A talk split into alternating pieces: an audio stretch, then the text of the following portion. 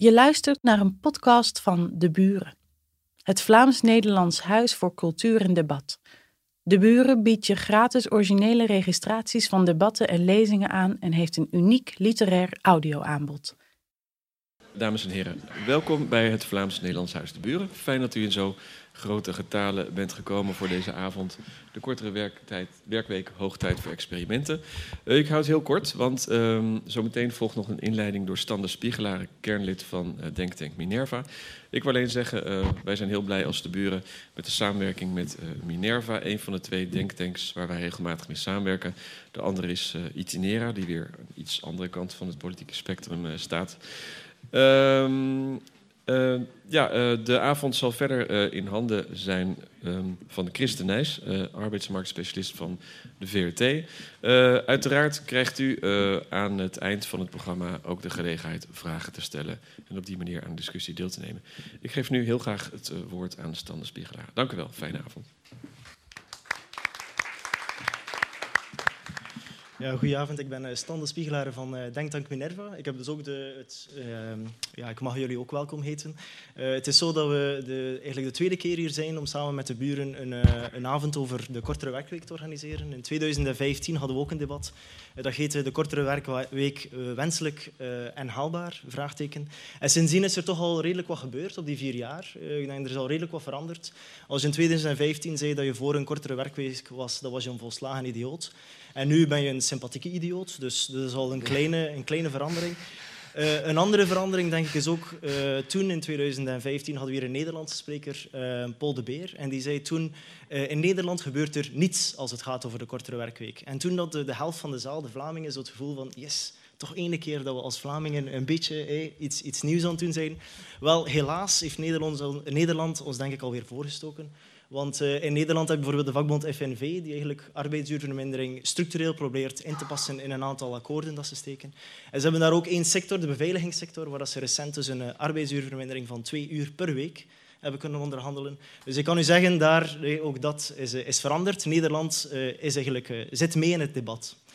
Eh, er zijn ook een aantal dingen die volgens mij niet veranderd zijn als het gaat over de kortere werkweek. En dat is het, het moeilijke debat in Vlaanderen. Ik denk als je, als je over de kortere werkweek spreekt in Vlaanderen, een debat is vooral een stellingenoorlog. Een oorlog over wie het mooiste ideologische bolwerk heeft en uh, wie dat er eigenlijk de andere partij uh, kan overtuigen, of het publiek kan overtuigen dat de andere partij een volslagen idioot is. En ik denk dat dat nog niet veranderd is. En dat is spijtig, want ik denk dat we daar eigenlijk wel veel uit kunnen leren. Ik was vorig jaar in, in Tsjechië en daar was een werkgever, vertegenwoordiger van de werkgever, en die begon zijn speech met te zeggen, kijk, de kortere werkweek, beste vrienden, ik ben daar niet tegen. Ik ben daar niet tegen, maar ik heb wel een aantal vragen over hoe dat we dat precies gaan, uh, gaan proberen te doen. En dan kreeg ik een heel debat over hoe, dat je, dat, uh, hoe dat je dat wil invoeren. En eigenlijk een debat over hoe, hoe wij als samenleving willen en kunnen de samenleving vormgeven. En dat debat heb ik nog niet gezien in Vlaanderen, helaas. Uh, tot misschien tot vanavond. En daarvoor ligt alle verantwoordelijkheid natuurlijk bij onze schitterende moderator, uh, Chris de Nijs, waarin ik nu het, uh, het woord heer voor het debat. Dank u wel.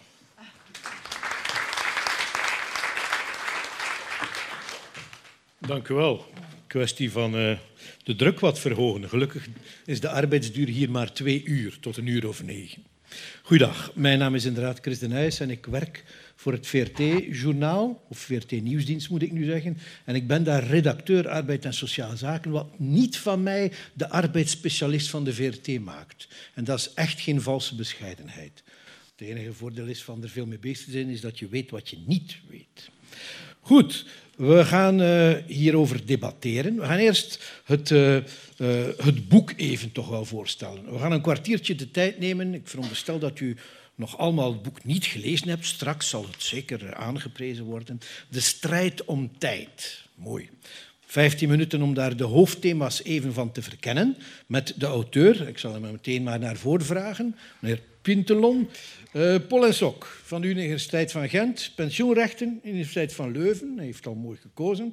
Onderzoeker voor um, het CSB, het Centrum voor Sociaal Beleid aan de Universiteit van Antwerpen daar ook aan de Universiteit Gent onderzoeker geweest, maar nu uh, niet alleen betrokken bij Minerva, maar ook, en dat moet toch wel gezegd, dat staat daar niet, van de BBTK, studiedienst BBTK, Bond voor Bedienden, Technici en Kaders, de bediendenbond van het ABVV.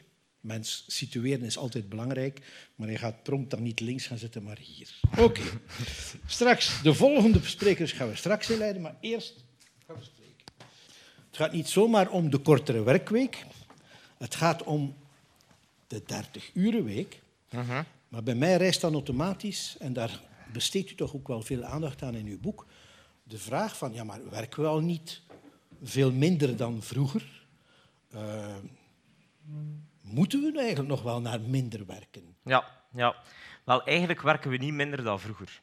Als je kijkt naar hoe het na de Tweede Wereldoorlog was en je vergelijkt dat met vandaag de dag, dan is dat eigenlijk een misvatting.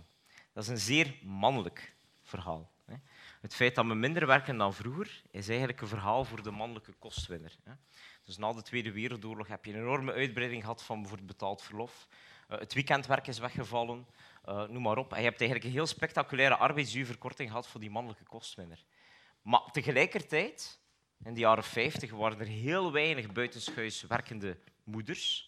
Uh, ondertussen is dat eigenlijk de norm geworden. Er, nog, zijn nog altijd huismoeders, maar dat is echt een, een, een, beetje stille dood aan het sterven.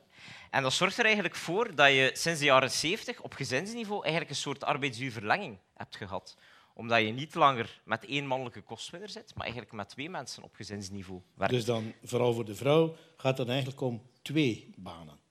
Twee uh, daar gaat voor een stuk over twee banen, ja, effectief. Dus je hebt de eerste shift die de betaalde werk is, waar de vrouw veel meer is gaan beginnen werken sinds de jaren 60, 70. Uh, maar dat ook combineert met een, een, tweede shift, wat ik noem. En dat is alles wat onbetaald gebeurt. Hè. En meestal als je spreekt over, uh, over arbeid, wordt enkel die betaalde arbeid in kaart gebracht en, en gewaardeerd. Hè. Maar er zijn heel wat taken, voor het zorgtaken is daar een belangrijk iets, heel tijdrovend. Uh, iets die je heel moeilijk efficiënt kan doen, maar die wel heel veel tijd vragen en, en, en zorg moet gebeuren in een samenleving. Hè.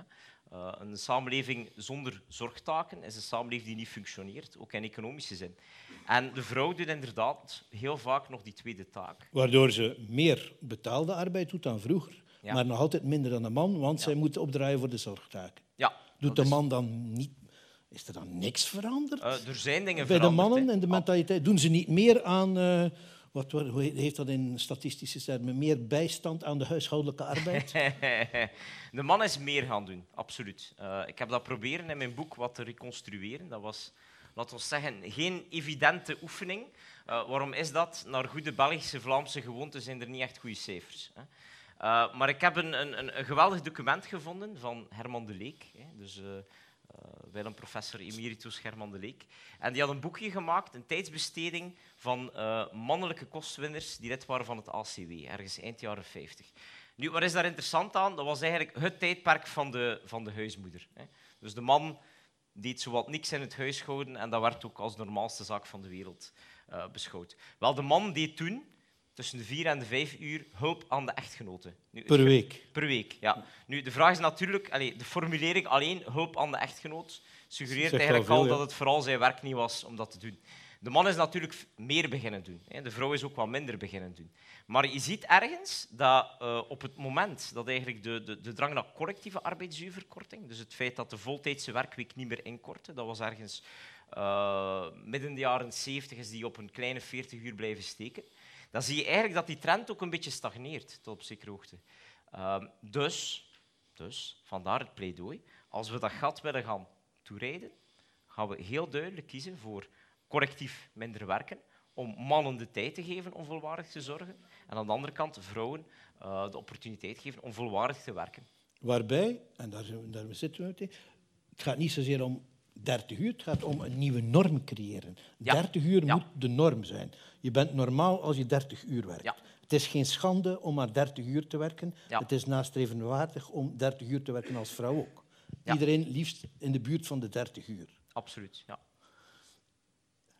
Denkt, gelooft u daar absoluut in dat dat een effect heeft op de gendergelijkheid in zaken loon, in zaken arbeidsduur, in zaken carrièrekans? Absoluut, absoluut. Want als je kijkt... Dat, dat, is, dat is eigenlijk het centrum van uw Dat boek. is Hè? één, één van de zaken van mijn boek. Hè. Dat is niet het enigste. Maar als je kijkt naar de man-vrouw ongelijkheid, eh, dan zie je dat die aan de ene kant heel sterk verband houdt met het moederschap.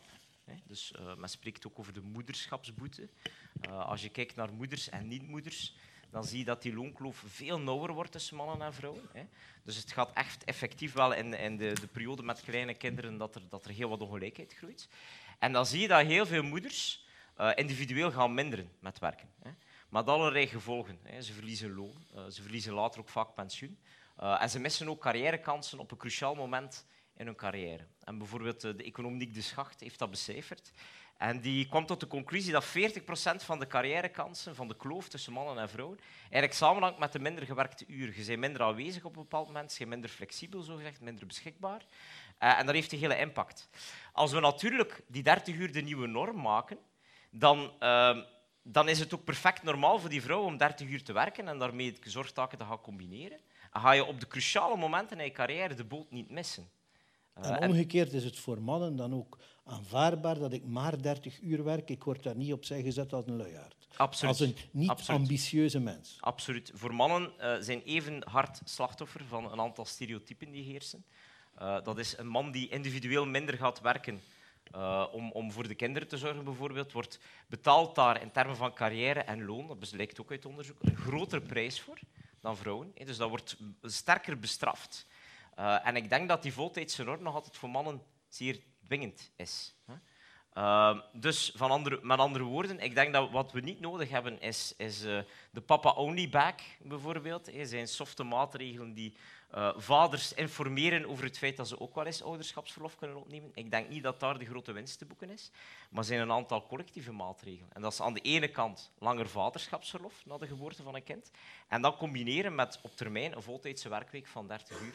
Zodat je eigenlijk de man ja, dat eigenlijk de man de mogelijkheid geeft, de tijd geeft om, om ook in die zorgtaken en die huishoudelijke arbeid een stuk van zijn, van zijn werk te doen. Oké, wat zijn andere motieven om te pleiten voor die 30 week?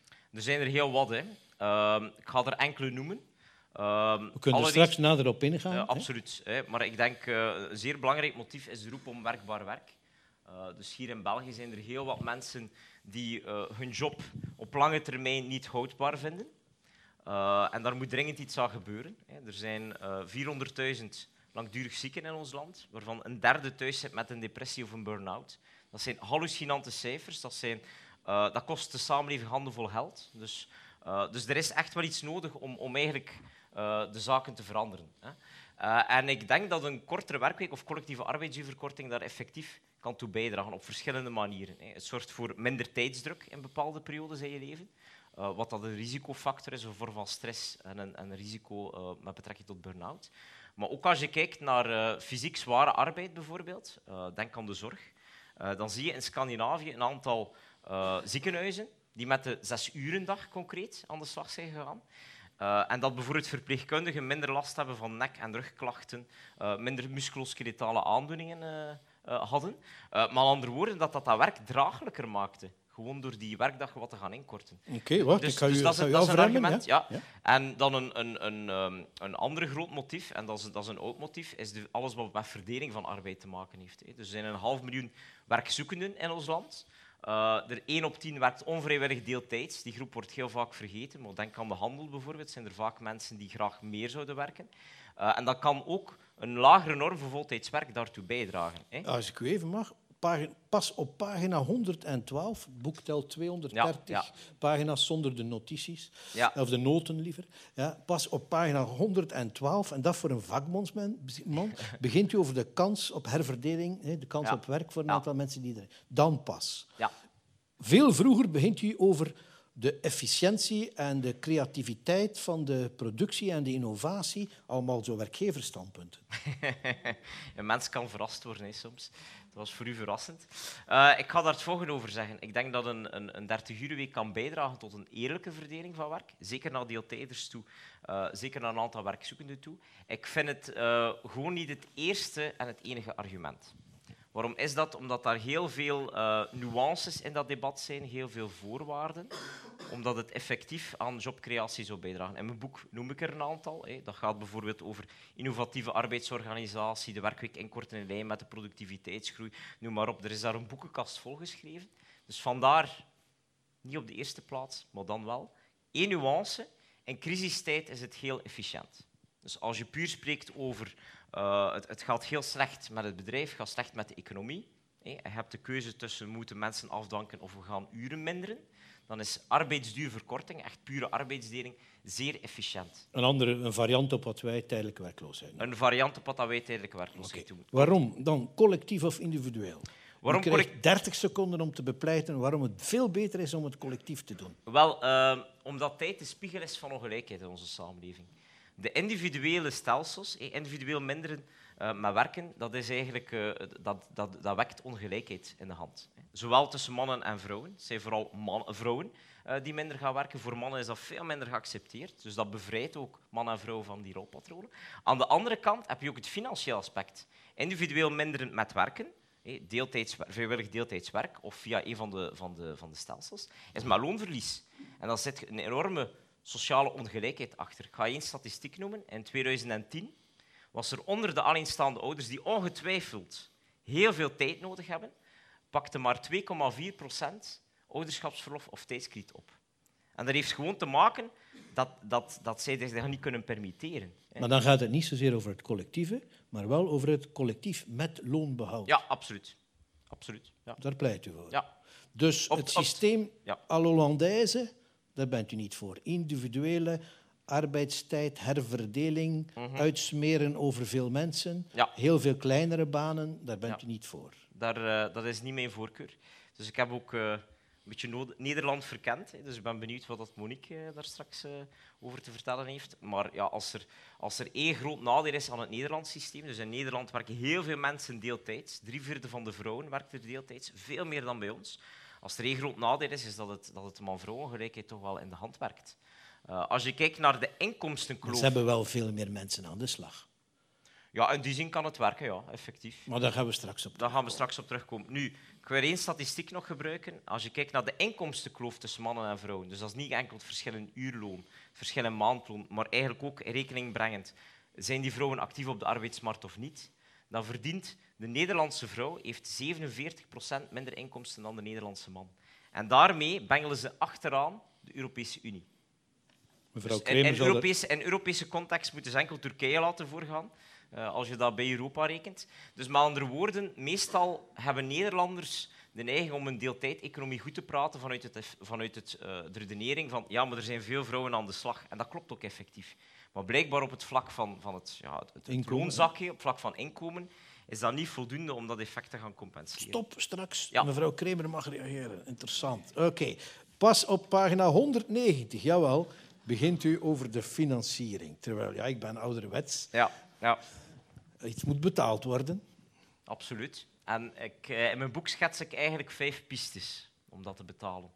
Ehm, allereerst een hogere arbeidsproductiviteit. Hè. Dus eh, het, het rendement dat wij als werk, in een werkuur creëren, eh, dat werknemers in België creëren, dat stijgt constant. Misschien En moet eigenlijk- erbij zeggen, u, in, uw, in uw boek ontwikkelt u een model, hè, bij u de betaalbaarheid Ja, ja. onderzoekt, in een periode, niet morgen, niet na mei de verkiezingen, maar over twintig jaar. Absoluut. Dus, en u verrekent de arbeidsproductiviteit Ja. over die twintig jaar. Dat is uw eerste financieringsbron. Absoluut. En eh, voor alle duidelijkheid, ik denk dat niemand in dit debat pleit voor de shocktherapie. Eh, dat er morgen een, een wet wordt gestemd die de 30 uur als voltijdse norm installeert. Ik denk niet dat dat nuttig is. Ik denk dat dat economisch eh, een enorme sprong in het ongewisse zou zijn. Daar pleit ik niet voor. Ik pleit voor geleidelijke stappen. En om te beginnen, een kaderwet die eigenlijk vrijwillige experimenten mogelijk maakt. Dus de, de titel van het debat heet eh, niet voor niets hoog tijd voor experimenten. Nu, een hogere arbeidsproductiviteit is de eerste, eerste vorm. En dat kan eigenlijk aanleiding geven tot opslag niet in de vorm van meer salaris, meer bruto-loon, maar opslag in de vorm van een kortere werkweek. En de bedoeling is om een stukje van die marge die er bestaat om te zetten in eh, kortere werkweken met loonbehoud. Het tweede element gaat over de bestaande bedrijfssteun in België. Eh, de bedrijfssteun in België is ongeveer van een ongekende hoogte. In, Dus eh, de, zowel de loonlastenverlegging als de, de effectieve loonsubsidie. loonsubsidies. Absoluut. Als je die twee samentelt, kom je aan 13,6 miljard euro. En van die 13,6 miljard euro spenderen wij nu 0,06 procent aan de kortere werkweek met, gekoppeld aan extra tewerkstelling. Heel, heel weinig middelen spenderen we daaraan. Ehm, en mijn pleidooi is om op korte termijn een aantal middelen te gaan heroriënteren naar de kortere werkweek gekoppeld aan extra tewerkstelling. Waarom? Zo stimuleer je goede, gezonde arbeidsvoorwaarden op de lange termijn. En zorg je ook voor dat er extra tewerkstelling creëert. Dus dat is een volledig legitieme keuze. Uh, ik ga er nog geen statistieken over bijhalen. Er is toch één iets die me is bijgebleven. Dat is de 1,5 miljard loonsubsidies voor overuren, ploegenarbeid en nachtarbeid. Dus blijkbaar in België kiezen wij ervoor om slechte arbeidsvoorwaarden te subsidiëren. En goede arbeidsvoorwaarden, een, een, een werkgever die dat in leven wil roepen, die moet zijn bondjes maar zelf doppen. Ik vind dat een heel absurde paradox. En ik denk dat we sowieso door die bedrijfssteun met de, met de kam door moeten en een aantal middelen gaan heroriënteren. Okay. Nu, het derde effect, uh, om, het, om het volledig, uh, wil ik ook een stukje van een, uh, een, een, een, een, meerwaardebelasting op financiële activa heroriënteren richting de kortere werkweek. Vooral om in laagproductieve sectoren als de zorg, dat ook die sectoren de stap naar de 30 uur week kunnen zetten. Um, ten vierde heb je alles wat te maken heeft met een langere openingstijd of een langere bedrijfstijd. Er bestaat een, heel slim systeem, en dat eh, noem ik in mijn boek de Finse Shift, uh, waarbij men een langere bedrijfstijd koppelt aan een kortere arbeidstijd. Meestal een, aan, aan, een zes uren ploeg. Dat doen we al volop in onze industrie. Voor een stuk, ja. ja Voor een stuk. Uh, maar niet in zes uur. Dus je wint een deel terug, door, dat is ook een vorm van productiviteitsverhoging. Een vorm van productiviteitsverhoging. Technisch gezien is dat een kapitaalsproductiviteitsverhoging. Maar eigenlijk het geld dat je, dat je terugwint door die dure machines beter te benutten, bijvoorbeeld, kan je heroriënteren uh, naar arbeidsuurverkorting met loonbehoud. En daar bestaan in het buitenland zeer interessante voorbeelden van, die economisch rendabel zijn. En tenslotte, uh, dat is één iets die natuurlijk heel belangrijk is, het is niet puur een kost, hè, de, de kortere werkweek zal ons ook iets opleveren. Hè. We hebben heel veel langdurig zieken. Uh, 400.000, dat kost ons 4 miljard euro. We hebben een aantal uh, werkzoekenden, een half miljoen werkzoekenden, die ons ook geld kosten. Uh, dus er zijn ook een aantal terugverdieneffecten die zullen plaatsvinden. Hè. in mijn boek probeer ik die niet exact in te schatten, omdat dat een zeer moeilijke analyse is. maar je kan je natuurlijk wel voorstellen dat als je heel je loopbaan 30 uur als voltijds hebt kunnen werken en niet meer het gevoel hebt dat je op bepaalde leeftijden uitgeperst wordt als een citroen, dat, dat, dat, dat, die, die, die, dat shopritme, dat alles wat behapbaarder is, dan, dan hou je het ook langer gezond vol. Oké. En dat ja. is een, dat is een effect. Ja. In elk geval benieuwd wat uh, ja. uh, mevrouw Dijteren, die daar ook staat, van Unizo, daarover vindt. Dat u al dat uh, ja, haar, haar dwingt om de productiviteitswinsten af te staan en dan nog een deel loonsubsidies en loonlasten verlagen. Ik ben benieuwd. Oké. Okay. Ten slotte nog één woord. Tijd voor experimenten, daar hebt u al voor gepleit. Aan welk soort experimenten denkt u dan? Aan welk soort experimenten zijn bedrijven of sectoren kan ook hele sector zijn, die aan de slag gaan met een kortere voltijdse norm dan wat nu het geval is. Bijvoorbeeld 35 uur, 32 uur, 30 uur. Dus laat duizend bloemen bloeien. Ik denk dat er niet één model uh, voorop staat. Ah ja, mogen duizend bloemen, bloemen bloeien. Op korte termijn Ik heb de indruk dat, u wel vooral uh, bloempotten gooit of ruikers gooit naar de zes uur een dag. In mijn boek kies ik niet zo fel. Hè. Ik denk oh, dat de vier dagen werkweek ook Overal al... laat u het open en dan ja. zegt u, maar mijn voorkeur gaat uit naar de zes uur een dag. Ja. Alleen nog één, 30 seconden om dat uit te leggen en dan gaan we discussiëren. Wel, sowieso het... het uh... Uh, bij de zes urendag heb je sowieso een feedbackmechanisme op productiviteit. Ik ben ervan overtuigd dat je sommige jobs moeilijk acht uur geconcentreerd kan doen. Uh, en dat, dat je daardoor sowieso iets, iets terugverdient. Denk aan verhalencultuur, mailcultuur, dat is nu het persoonlijke context. Mm -hmm. Heel veel dode tijd in. Uh, en um, dat, dat is een belangrijk argument. Uh, en het zorgt er ook voor dat arbeid veel meer afgestemd wordt op, op, op alles wat met zorg te maken heeft. Ja, het mag ook de vier dagen week zijn, maar wat u wel graag wil, heb ik de indruk, is tijdscompensatie binnen de week. Ja. Niet zo ja. ergens uh, ADV-dagen op het eind van het jaar of zo. Ja, effectief. En er zijn twee grote redenen voor. Uh, die, die arbeidsuurverkorting heb ik liefst wekelijks, omdat het ook de bedoeling is dat op wekelijkse basis mannen en vrouwen zorgtaken ook wat gelijker gaan verdelen. Als natuurlijk die man ervoor kiest om zijn vakantie wat langer te, te, te maken en dan te gaan vissen in Sri Lanka of zoiets, dan, dan, mist, dan mist dat zijn doel. Hè. Dat moeten we eerlijk durven toe, uh, toegeven.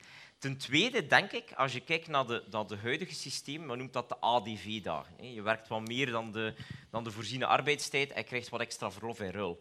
Dan zie je toch wel dat daar een zekere intensifiering van het werk optreedt. Dat bedrijven zeggen, oké, je krijgt zes dagen verlof extra, we werven niemand aan, onze werkorganisatie blijft gelijk en jij moet het maar opnemen in een, in een kalme periode. Terwijl wat wij willen, of wat ik wil met mijn boek, is dat bedrijven ook heel een werkorganisatie zoals bij FEMA gaan herzien en echt uh, heel goed gaan nadenken van hoe kunnen we onze werkweek uh, efficiënter, beter en menselijker maken. Stop, we gaan eraan beginnen. Ja. Eén van die experimenten trouwens, daarvoor hebben we mevrouw Riet Ori, en mag ik die meteen naar voren vragen, maar u moet nog zo'n zo'n gruwelijk zevende dag speakertje krijgen. Riet Ori, adjunct-directeur FEMA, ook een pol en sokker trouwens. Het zit hier vol met pol en sokkers. U zult, het zult u trouwens opvangen dat vooral in het panel één man en veel vrouwen, dat is ook al goed. Um, zij, bij FEMA zijn ze namelijk bezig met een 30-uren week sinds 1 januari. Ja. Als u dat microfoontje hebt, dan gaat u straks meteen eens mogen uh, uitleggen in welke mate dit past in het verhaal dat u nu te horen gekregen hebt van meneer Pintelon. Dan, ik heb ze al vermeld, mevrouw Kremer, professor Kremer. Onze Nederlandse gasten. We zijn hier toch wel, hé, we zitten hier op het scharnier tussen Vlaanderen en Nederland. Daar hoort de Nederlandse gasten bij. Uh, ook een sociaal wetenschapper uit Utrecht en oh, in Engeland ook Sussex. Uh, nu professor en uh, bijzonder hoogleraar actief burgerschap aan de Universiteit van Amsterdam. Als ik haar even een paar thema's, als ik even een paar thema's uit het curriculum opsom, dan zult u meteen merken of duidelijk zijn waarom we haar gevraagd hebben. De verzorgingsstaat herbedacht, in betere banen de toekomst van de arbeidsmigratie. Hoe ongelijk is Nederland, man en vrouw? De robot wordt de baas, de toekomst van het werk en de middenklasse die onder druk staat. Zo iemand kunnen we gebruiken in ons. en dan Caroline Dijteren van Unizo. Uh, ik weet niet of u Pol Sok gedaan hebt, maar u bent in elk geval de coördinator van het sociaal beleid uh, bij Unizo. En ik kan getuigen, ze doet dat uh, met overgave. Uh, dus van Unizo, de Unie van, van, zelfstandige ondernemers, zeg maar de kleine en middelgrote ondernemers in Vlaanderen. Ja? Zij is onder meer de vertegenwoordiger van Unizo in de Nationale Arbeidsraad, in het Nationaal Pensioencomité. Zij houdt zich bezig met arbeid, sociale zekerheid, met inbegrip, dat heeft ze graag dat ik zeg, van de sociale zekerheid van de zelfstandigen. Ja? En dankzij uw titulatuur is iedereen nu voorzien van... Ik begin bij u, mevrouw Ori. Herkent u zich in al de motieven? En uh, waarom bent u begonnen met de 30-urenweek bij FEMA, het vroegere KAV? Mag dat eigenlijk niet meer zeggen? Jawel, maakt niet uit. Um, en hoe betaalt u dat? Ja, mag ik beginnen met de redenen waarom we dat doen? Ja. Um, eigenlijk is FEMA, denk ik, in 2012, 2013 echt begonnen met het thema op de agenda te zetten. En de reden daarvoor dat was vooral de, de, het probleem of de uitdaging om work-life balance, uh, om een betere work-life balance te hebben en vooral ook de ongelijkheid die daarin zat. Dus in die zin herken ik natuurlijk heel veel van het verhaal wat Olivier verteld heeft. We hebben zelf ook toen al een dossier opgemaakt van de genderongelijkheid. En wij starten eigenlijk vanuit het concept arbeid dat veel ruimer was. Dat heeft ook Olivier aangehaald. En we hebben vier soorten van arbeid. De betaalde, de zorgarbeid, de zelfarbeid en de sociale arbeid. Is een concept van Anne Snik, ook een dokter, hè, die uh, daar heel erg rond gewerkt heeft. En als je kijkt op die manier naar arbeid, uh, dan zie je eigenlijk dat de meeste arbeid inderdaad onbetaald is en dat er een grote ongelijkheid in zit. Wij zijn ook onze, uh, hoe zeg je dat? Uh, uw dingen gaan halen. Uw mosterd. Uw mosterd gaan halen. In Nederland bij de zorgeconome Tera van Osch. Zij was zeer inspirerend. Zij heeft een, een BOA-quote gemaakt waarin eigenlijk duidelijk werd dat ook in Nederland uh, de coëfficiënt van onbetaald ten opzichte van betaalde arbeid eigenlijk veel groter was. Hè. In België is dat ook. En voilà, dus we hebben eigenlijk drie, vier jaar veel nagedacht, geschreven, gedebatteerd over de 30-uurige werkweek. En toen dachten we, we gaan dat gewoon zelf doen. Uh, en dat heeft ons echt wel, uh, door de praktijkervaring, ja, leg je ook wel heel wat dingen bloot uh, die niet zo eenvoudig zijn. Je botst op heel veel problemen of uitdagingen. En in die zin heeft dat voor ons, ja, arbeidsduurvermindering, echt wel veel meer nuance gebracht in het verhaal. Ja, ik zelf ook vanuit werkgeversperspectief dan. Ja, kunt u al één nuance meegeven? Ja, je bent ik- nog maar een maand bezig? Allee, officieel. Ja, we zijn een maand bezig, maar we zijn wel al drie jaar aan het voorbereiden. We hadden nooit gedacht dat we daar zo lang aan moesten voorbereiden. In die zin dat we inderdaad, zoals Olivier aanhaalde, heel erg direct gezien hebben, als we minder gaan werken, moeten we eerst anders gaan werken. Dus wij zijn eigenlijk twee jaar geleden begonnen met een traject van anders werken onder begeleiding van Flanders Synergy. Eh, om ehm, te- onze arbeidsorganisatie in vraag te stellen, ehm, om veel meer te gaan naar, naar zelforganiserende teams en zo verder, die het mogelijk maakten om op een goede manier minder te gaan werken. Dus in die zin, dat was een zeer grote drempel. Een andere grote drempel was het financiële aspect. Hè. Wij wilden niet allemaal 30 uur gaan werken en eh, zonder mensen aan te werven, dus wij hebben geïnvesteerd in vervangende tewerkstelling. Dus 80% van de uren die niet meer gewerkt worden, worden opgevangen door mensen. Dus in die zin eh, doen we ook aan jobcreatie eigenlijk hè, met ons een project. En het geld daarvoor komt uit uw reserves. ja, we hebben daar een fonds voor aangelegd, jaren geleden, voor vernieuwende praktijken noemen we dat. En in die zin, de vervangende tewerkstelling kost ongeveer 400.000 euro. In die zin dat we zes mensen hebben aangeworven, vijf mensen voor een jaar. Maar daarnaast moet je ook de perequatie toepassen. Dat wil zeggen, mensen die deeltijds werken, eh, blijven aan hetzel- kunnen niet aan hetzelfde loon blijven werken. Want mensen die minder gaan werken met hetzelfde loon, die hun bruto-uurloon stijgt. En dat moet je eigenlijk ook gaan toepassen Ja, voor de andere medewerkers. Dus in die zin is dat ook nog een extra investering die je doet. En dan ga ik u toch dwingen om te... één Ja. kritische bedenking bij wat hij zegt. Nu al. Een kritische Want, bedenking. eh, zo te horen zit u op dezelfde golflengte. En nu vraag ik u een gedachtenexperiment. Kritisch zijn voor hem. Ja. Ehm, Laat ik u even over... Ja? ja, je mag Dan ga ik even naar de twee anderen. Ik ga beginnen bij de Nederlandse mevrouw. Het model of, of, of het beeld dat hij schetst van de, de Nederlandse arbeidsmarkt. En de ongelijkheid, bevordering die daaruit uit zijn verhaal blijkt. Deelt u dat? Jazeker.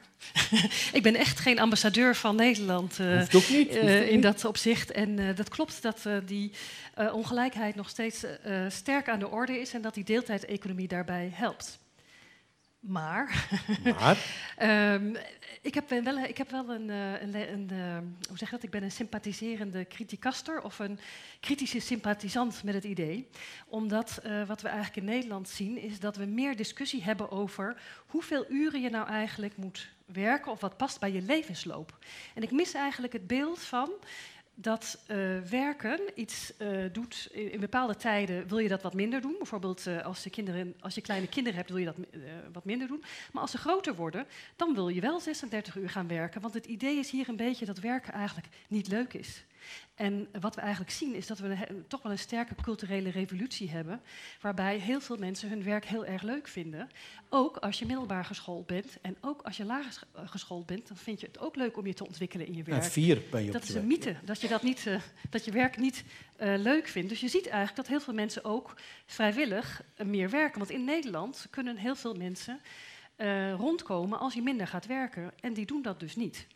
En het idee is eigenlijk dat eh, ik eigenlijk liever naar een beeld zou willen waarbij je meer over de levensloop nadenkt. Dus jonge kinderen, dan wil ik helemaal geen 30 uur werken. Dat heb ik ook niet gewild toen, toen mijn kinderen klein waren. En als je, eh, je kinderen groter zijn, dan wil je misschien wel 40 uur werken. En als je een zieke moeder hebt of een andere zorgtaak hebt, dan wil je weer eh, minder werken. En dat we meer nadenken over hoe, want nu botst het hè. Je moet altijd meer werken op het moment dat je minder Met als wil werken. resultaat bijvoorbeeld dat het niet een gemiddelde moet zijn over heel je levensloop per jaar bekeken van 30 uur, maar dat het kan, jaren kunnen zijn van 50 en ja, ik overdrijf misschien een beetje, jaren van 45 ja, en dan een, een jaar van 25 of 15. Ja. Ja. Aangepast aan de levensfase. En dan Ja. mist u wat in zijn verhaal. Ja, omdat het heel erg geënt is eerlijk op gezegd, het staat ook niet in zijn een, eh, boek, want hij heeft niet alles kunnen zeggen, maar het staat inderdaad niet in zijn boek. Nee, maar het is, het is eh, heel vaak eh, een pleidooi voor, van jonge ouders. Die begrijp ik heel goed dat ze zeg maar, een pleidooi hebben voor de 30-urige werkweek. Want dat past dan in dat leven. Maar ik ben daar alweer voorbij, dus misschien wil ik. En ik zie ook heel belangrijk iets is dat het belangrijk is dat mensen op latere leeftijd carrière kunnen maken. Dus wat helpt de vrouwenemancipatie als je op je vijftigste carrière kan maken? Ook als mannen op hun vijftigste pas carrière gaan maken. Dus ik heb wat andere oplossingen dan het duizend dingen boekje, doekje zeg maar, van de arbeidstijdsverkorting. Maar ik deel heel erg de analyse van de problemen. En ik vind het ook heel sympathiek om te experimenteren met vormen van arbeidstijdverkorting. dus ik vind het heel... Iedereen moet het lezen. Dus u, hebt al, u wil alvast meer flexibiliteit aangepast aan de levensfase, zal ik maar zeggen. U bepleit ook waardering voor arbeid, wat u een beetje betwijfelt of u dat wel zo waarderen, te waarderen vindt. Ja. Laten we hem straks wel op reageren. En drie, mag ik ook vragen, hij zei ook, ik kies voor het collectieve model en niet voor het model waarbij iedereen in Nederland naar eigen dunken eh, mindert of meerdert. Individuele keuzes. Ja, maar um, ik denk dat um, je in het overheidsbeleid best wel kan, meer kan gaan sturen. Dus ik kan me best voorstellen dat je meer belasting hebt, heft op als mensen uh, bijvoorbeeld langer uh, werken. Zeker als ze dat meer doen dan 40 uur bijvoorbeeld. En ik denk ook dat het belangrijk is om collectieve maatregelen te nemen rond kinderopvang bijvoorbeeld. Om te zorgen dat mensen, want in Nederland werken mensen. Uh, zeker de moeders, die werken helemaal geen uh, eh, 30 uur, dus je moet dat nog optrekken. Dus ik zie hem veel meer in dingen die te maken hebben wel met collectieve interventie. Namelijk kinderopvang verbeteren, verlofregelingen die veel collectiever zijn. Dus ik ben zeker voor collectieve uh, maar acties. niet het collectief opleggen van een vaste arbeidsduur. Nee, maar het kan wel in bepaalde sectoren, voor bepaalde bedrijven. Ik vind het experiment hiernaast ook heel interessant. Dus uh, daar zie ik zeker wel brood in. Maar niet over de hele linie. In het en het andere probleem is dat het helaas niet zo is dat als uh, ik bijvoorbeeld 30 uur zou werken, dat mijn extra 6 uur die ik nu heb, um, dat ik die kan toebedelen aan iemand die het nu nodig heeft. we zien heel veel werkloosheid onder lager opgeleiden bijvoorbeeld. Um, en uh, ik, het is heel moeilijk om die uren van mij te krijgen naar de plekken waar het moet. Is hij daar te optimistisch over? Ja, dat denk ik wel. Ik denk dat dat, een, dat, dat, dat een, uh, iets is waar je heel erg aan moet werken. Maar ik denk eerder dat het belangrijker is om werk op maat te maken van bepaalde groepen. Dus ook mensen met bijvoorbeeld een arbeidsbeperking.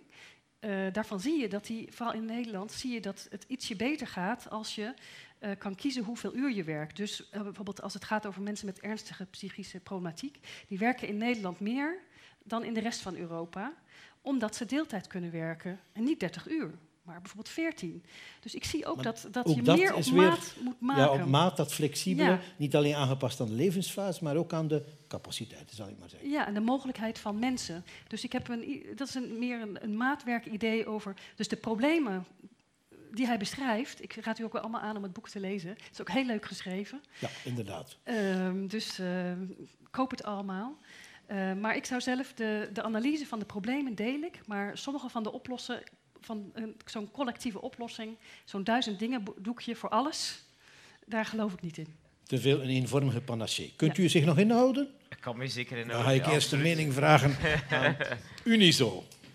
Mevrouw Deiteren. Goedenavond. Goedenavond. Uw bedenkingen. Mijn Uw eerste dingen die in u opkomen. Ja, ik, ik, ik, heb er zoveel. Ik weet niet hoe, waar, waar te beginnen.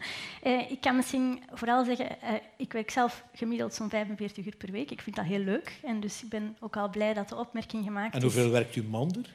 Wat zegt u? Of ik veronderstel even dat u een man hebt. Dat is niet eerlijk al van mij, maar kom. Ja, mijn man werkt ook voltijds. Ja, ja, ja, Misschien iets minder, maar het zal ook dat nog... zijn. Maar belangrijker, de leden van onze organisatie, de zelfstandige ondernemers, die werken iets van een 50 tot 60 uur per week.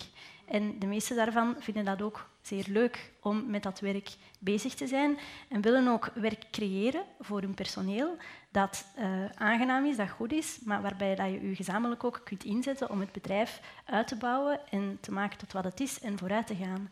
En dus in die zin, wij bekijken werk voornamelijk natuurlijk als iets dat positief is. Niet alleen omdat het in inkomen voorziet, omdat het, omdat het datgene is waar dat de zaak op gebouwd is, maar ook omdat de basis is van onze sociale zekerheid. Door te werken, door productief te zijn, gaan we vooruit met onze economie. En uh, ik denk niet dat het zo is dat we die vooruitgang dat we die eigenlijk kunnen laten liggen en dat we die zullen opsoeperen door uh, minder te werken. Want we hebben die vooruitgang nodig om competitief te blijven met onze buurlanden en met andere Europese landen. En we hebben die vooruitgang nodig om ons sociaal systeem te houden tot wat het is. Om okay, pensioenen te kunnen betalen, het is leuk, het is aangenaam en het is zelfverwerkelijk. het is nodig. En het dus is ga nodig. niet minder werken. Of in elk geval, leg dat niet op. Dat is wat u zegt. Ja, ik denk inderdaad dat uh, een collectieve mars richting uh, die kant op, dat dat niet goed zou zijn. Niet goed zou zijn Niet alleen voor de leden die ik vertegenwoordig, dat is natuurlijk ook belangrijk, maar ook niet goed voor ons sociaal systeem. Uh, omdat we weten dat we met heel wat uitdagingen geconfronteerd worden. Vergrijzing ook, stijgende kosten in pensioenen en in gezondheidszorg. Wij vinden dat heel belangrijk om zo'n goed sociaal systeem te hebben. En om dat te hebben moet je dat financieren. En om dat te kunnen financieren heb je arbeid nodig en competitiviteit. Meer dan nu eigenlijk ja, uh, we kunnen alleen maar die vergrijzing betalen als onze economie blijft groeien. En dus als we die productiviteitswinsten die er zijn, als we die aanwenden om die stijgende sociale uitgaven te kunnen betalen. Als we zeggen we hebben dat allemaal niet nodig, ja, dan kunnen we die pensioenen ook niet blijven betalen, kunnen we de gezondheidszorg niet blijven betalen. En dat vind ik uh, een neveneffect dat toch ook uh, zeker te sprake zou moeten komen. Ja, dus sowieso wil u meer werk, want meer werk correspondeert met meer loonafdracht en betaling voor de sociale zekerheid. Daarnaast wordt van u gevraagd om het nu helemaal op flessen te trekken, dat bedrijven niet alleen de productiviteitswinsten afstaan, maar ook de, uh, bedrijfs, uh, de loonsubsidies en loonlastenverlaging, om daarmee minder productieve sectoren zoals de zorg uh, toe te laten om 30 uur te gaan werken. Uw reactie? Ja. Ik denk dat die voorspelbaar is. Nog Verras mij. Ja, inderdaad, het voorstel komt neer op toch een serieuze loonkostverhoging. Um, een verhoging die zich voornamelijk ook zal situeren in die sectoren die dan nu van die uh, vermaledijde loon, loonlastverminderingen kunnen genieten. Maar dat zijn net heel kwetsbare sectoren. Hè, want die loonlastverlagingen die gaan niet alleen naar nacht- en ploegenarbeid, maar die gaan ook naar heel wat uh, sectoren waar dat de lonen niet zo hoog zijn. Um, en waar, dat, waar dat men ook een vermindering van werkgeversbijdragen voorziet. Waarover gaat dat? Dat gaat over de kleinhandel, dat gaat over uh, de transport, dat gaat over de horeca, dat gaat over de bouw. Um, en als we zeggen, ja, we gaan daar uh, de werknemers niet alleen uh, eh, 20% duurder maken, maar nog duurder, omdat we ook de loonlastverminderingen uh, gaan schrappen, ja, dan ziet de toekomst voor die sectoren er zeer, zeer slecht uit. En, en daarmee ook voor een heel belangrijke pijler van uw economie. Dus ik zie niet in hoe dat dit een economisch haalbaar model zou kunnen zijn. Iets anders is natuurlijk bedrijven die binnen de mate van het mogelijke, maar ze willen creëren om uh, meer vrije tijd um, uh, te organiseren of om de werktijd anders te organiseren, uh, zo, zo, zodat de work-life balance verbetert. Daar kan ik alleen maar voor zijn, natuurlijk, maar dat, zijn, dat, is iets volledig anders dan eigenlijk op collectieve wijze marsrichting, richting ofwel veel hogere loonkost. Um, ja, eigenlijk, het is niet of-of, maar het is in combinatie met een, een, een, tekort aan mensen om het werk dat je hebt in je bedrijf, om dat nog te kunnen uitvoeren. En dat heeft zeker ook betrekking de sectoren waar ik het net over had. Iemand die een winkel heeft, uh, u kan zeggen van de winkel mag langer open zijn, dus u kan productiever zijn. Maar wie moet er in die winkel staan? In die winkel met drie personeelsleden, waar, waar gaan we de mensen vinden om die winkel verder te blijven openhouden? Of zal dat dan de zelfstandige ondernemer moeten zijn? Want dat weten we eigenlijk nu al. Uh, Oké, okay, ja. ja. Dus de schaarste van de arbeidskrachten. Goed. Ze zitten toevallig goed, ik weet het niet goed, zo de meer kritische en de, meer de voorstanders, ga ik even veronderstellen. Ja? Laten we beginnen met het laatste, dat is gemakkelijk. Hè? Ja. De arbeidsschaarste die er nu al is, laat niet toe hè, ja. om die arbeidstijd zomaar te verminderen. Ja. En bovendien, de betaalbaarheid is ook belangrijk, want we hebben een fonds van het bedrijfsleven nodig om heel de boel overeind te houden. Ja, ja, Het is veel gezegd. Hè? Ga daar kort op reageren. Um, allereerst, en ik wil dat heel serieus nemen, zijn er inderdaad niches in de Belgische arbeidsmarkt waar er sprake is van krapte. Uh, denk aan, aan IT-programmeurs, denk aan verpleegkundigen. Uh, daar moeten we niet flauw over doen. Hè. Maar tegelijkertijd vind ik ook wel het, het idee van uh, dat heel de arbeidsmarkten, alle profielen plotseling een knelpuntberoep zijn geworden, vind ik een beetje overtrokken. Als ik bijvoorbeeld het, het voorbeeld hoor van een, van een winkel die moet open zijn, dat is nu typisch een profiel waar er geen speciale kwalificatie voor nodig is. Waar ik me eerlijk gezegd moeilijk kan voorstellen dat er onder die werkzoekenden niemand zou zijn om die job in te nemen. Dus, dus dat één. In uw boek staat een van de voorwaarden is herscholing en voor een deel taakuitsplitsing, waarbij eenvoudige bestanddelen van een baan bijvoorbeeld gaan naar een lagere school werkloze. Dan. Absoluut. Dus uh, het, het, het, voorbeeld, uh, denk natuurlijk in het geval van Monique Kremer, dat is een zeer specifiek profiel. Hè. Dus dat is natuurlijk een, een, uitdagend profiel om te zeggen van we gaan zes uur daar wegsnijden. Maar eigenlijk moet je ook denken, uh, het is niet de bedoeling dat die zes uur van Monique gaat naar een, een, langdurig werkloze. Hè. Het is de bedoeling dat die zes uur van Monique bijvoorbeeld gaat naar iemand die net gepromoveerd is in de Nederlandse term, iemand die net gedoctoreerd is en start op de, op de, de WRR, de Wetenschappelijke Raad voor het Regeringsbeleid. Uh, en dat er zo eigenlijk in, in, die organisatie een hele cascade ontstaat. Hè. En dat Monique een, een, een, een, aantal van haar zijtaken afstaat aan een, aan een, nieuwe collega, dat die nieuwe collega datzelfde doet en dat eigenlijk dan op het einde van de rit wat eenvoudige functies uh, in het leven geroepen worden. U had dus daar een mooie, niet... een mooie Nederlandstalige term voor. Het was eigenlijk Engels, maar kom. Oh, dat, dat heet uh, job uh, carving. Carving, stukjes afgecarven. Ja. ja. ja. Is, dat, is het realistisch wat u voorstelt? het is sowieso nodig. Omdat, de omdat, je ziet dat de mensen die uh, moeilijk, moeite hebben op de arbeidsmarkt, die kunnen niet zomaar in die vacatures terecht. Dus je moet meer werk op maat maken, zoals ik zeg. Dus het, het herorganiseren van, van organisaties is wat mij betreft echt heel fundamenteel iets dat je moet doen. Maar, maar of, je, je daar, of je daar arbeidstijdverkorting voor nodig hebt, en dat, dat is dus een, een heel ander onderwerp wat mij betreft. Ja. ja, maar het is wel een voorwaarde. Je moet haar banen opgevuld krijgen. Ze heeft volk nodig, uren nodig. Als ze niet meer komen van de mensen die vroeger 40 uur werkten, ja, dan moeten ze ergens vandaan komen. Ja, en ik wil daar nog iets aan toevoegen. Je kan eigenlijk ook de, de, een stuk van de krapte op de arbeidsmarkt heeft ook te maken met het type banen en het weinig aantrekkelijk zijn van een aantal beroepen. Dus denk bijvoorbeeld aan de zorg. De zorg heeft heel wat handen tekort. Er zijn heel weinig inschrijvingen in zorgopleidingen. En ik denk dat dat voor een deel te maken heeft met het feit dat die job pokken zwaar is. Dus als we ergens in een, een sector moeten starten met die 30-urenweek om op termijn de krapte op de arbeidsmarkt, om op termijn een knappend beroep te gaan uh, oplossen, dan is de zorg een voorbeeld. Ik ga een ander voorbeeld geven. Maar, een maar, Zweeds, mag, Zweeds, mag, mag, mag, nog even? Een Zweeds IT-bedrijf, dat is, uh, het zijn er twee, Brad en Philemundus, die op eigen initiatief naar een 30-urenweek zes uur een dag met loonbehoud zijn overgeschakeld, halen expliciet de krapte op de arbeidsmarkt en de war on talent in de IT-sector aan als voorwaarde, als argument om te zeggen van kijk, wij gaan extra goede voorwaarden aanbieden om die mensen bij ons te houden. Dus ik denk dat dat een zeer tweeledig zwaard is, die, die zeer ja, genuanceerd is en dat ironisch genoeg ook een oplossing kan zijn voor sommige profielen ah, op de arbeidsmarkt. Voor ik naar u ga, mevrouw Rie, aanvullen? Ja, zeker. Um, voor ons was dat wel een, een hele uitdaging. Uh, idee van mensen gaan minder werken, bijvoorbeeld ikzelf, ik ga ook minder werken. Ja, wie gaat mijn uren opvangen? Ga, ga je iemand voor ja, acht uur of tien uur? Die mijn, ja, dat is heel moeilijk. En in die zin hebben wij ook, um, door anders te gaan werken, net zoals hier gezegd is, je gaat eigenlijk teams vormen rond een uitdaging, rond een klantengroep, rond een doel. En als je dan gaat kijken en je gaat reorganiseren, dan wordt er meer gekeken vanuit een...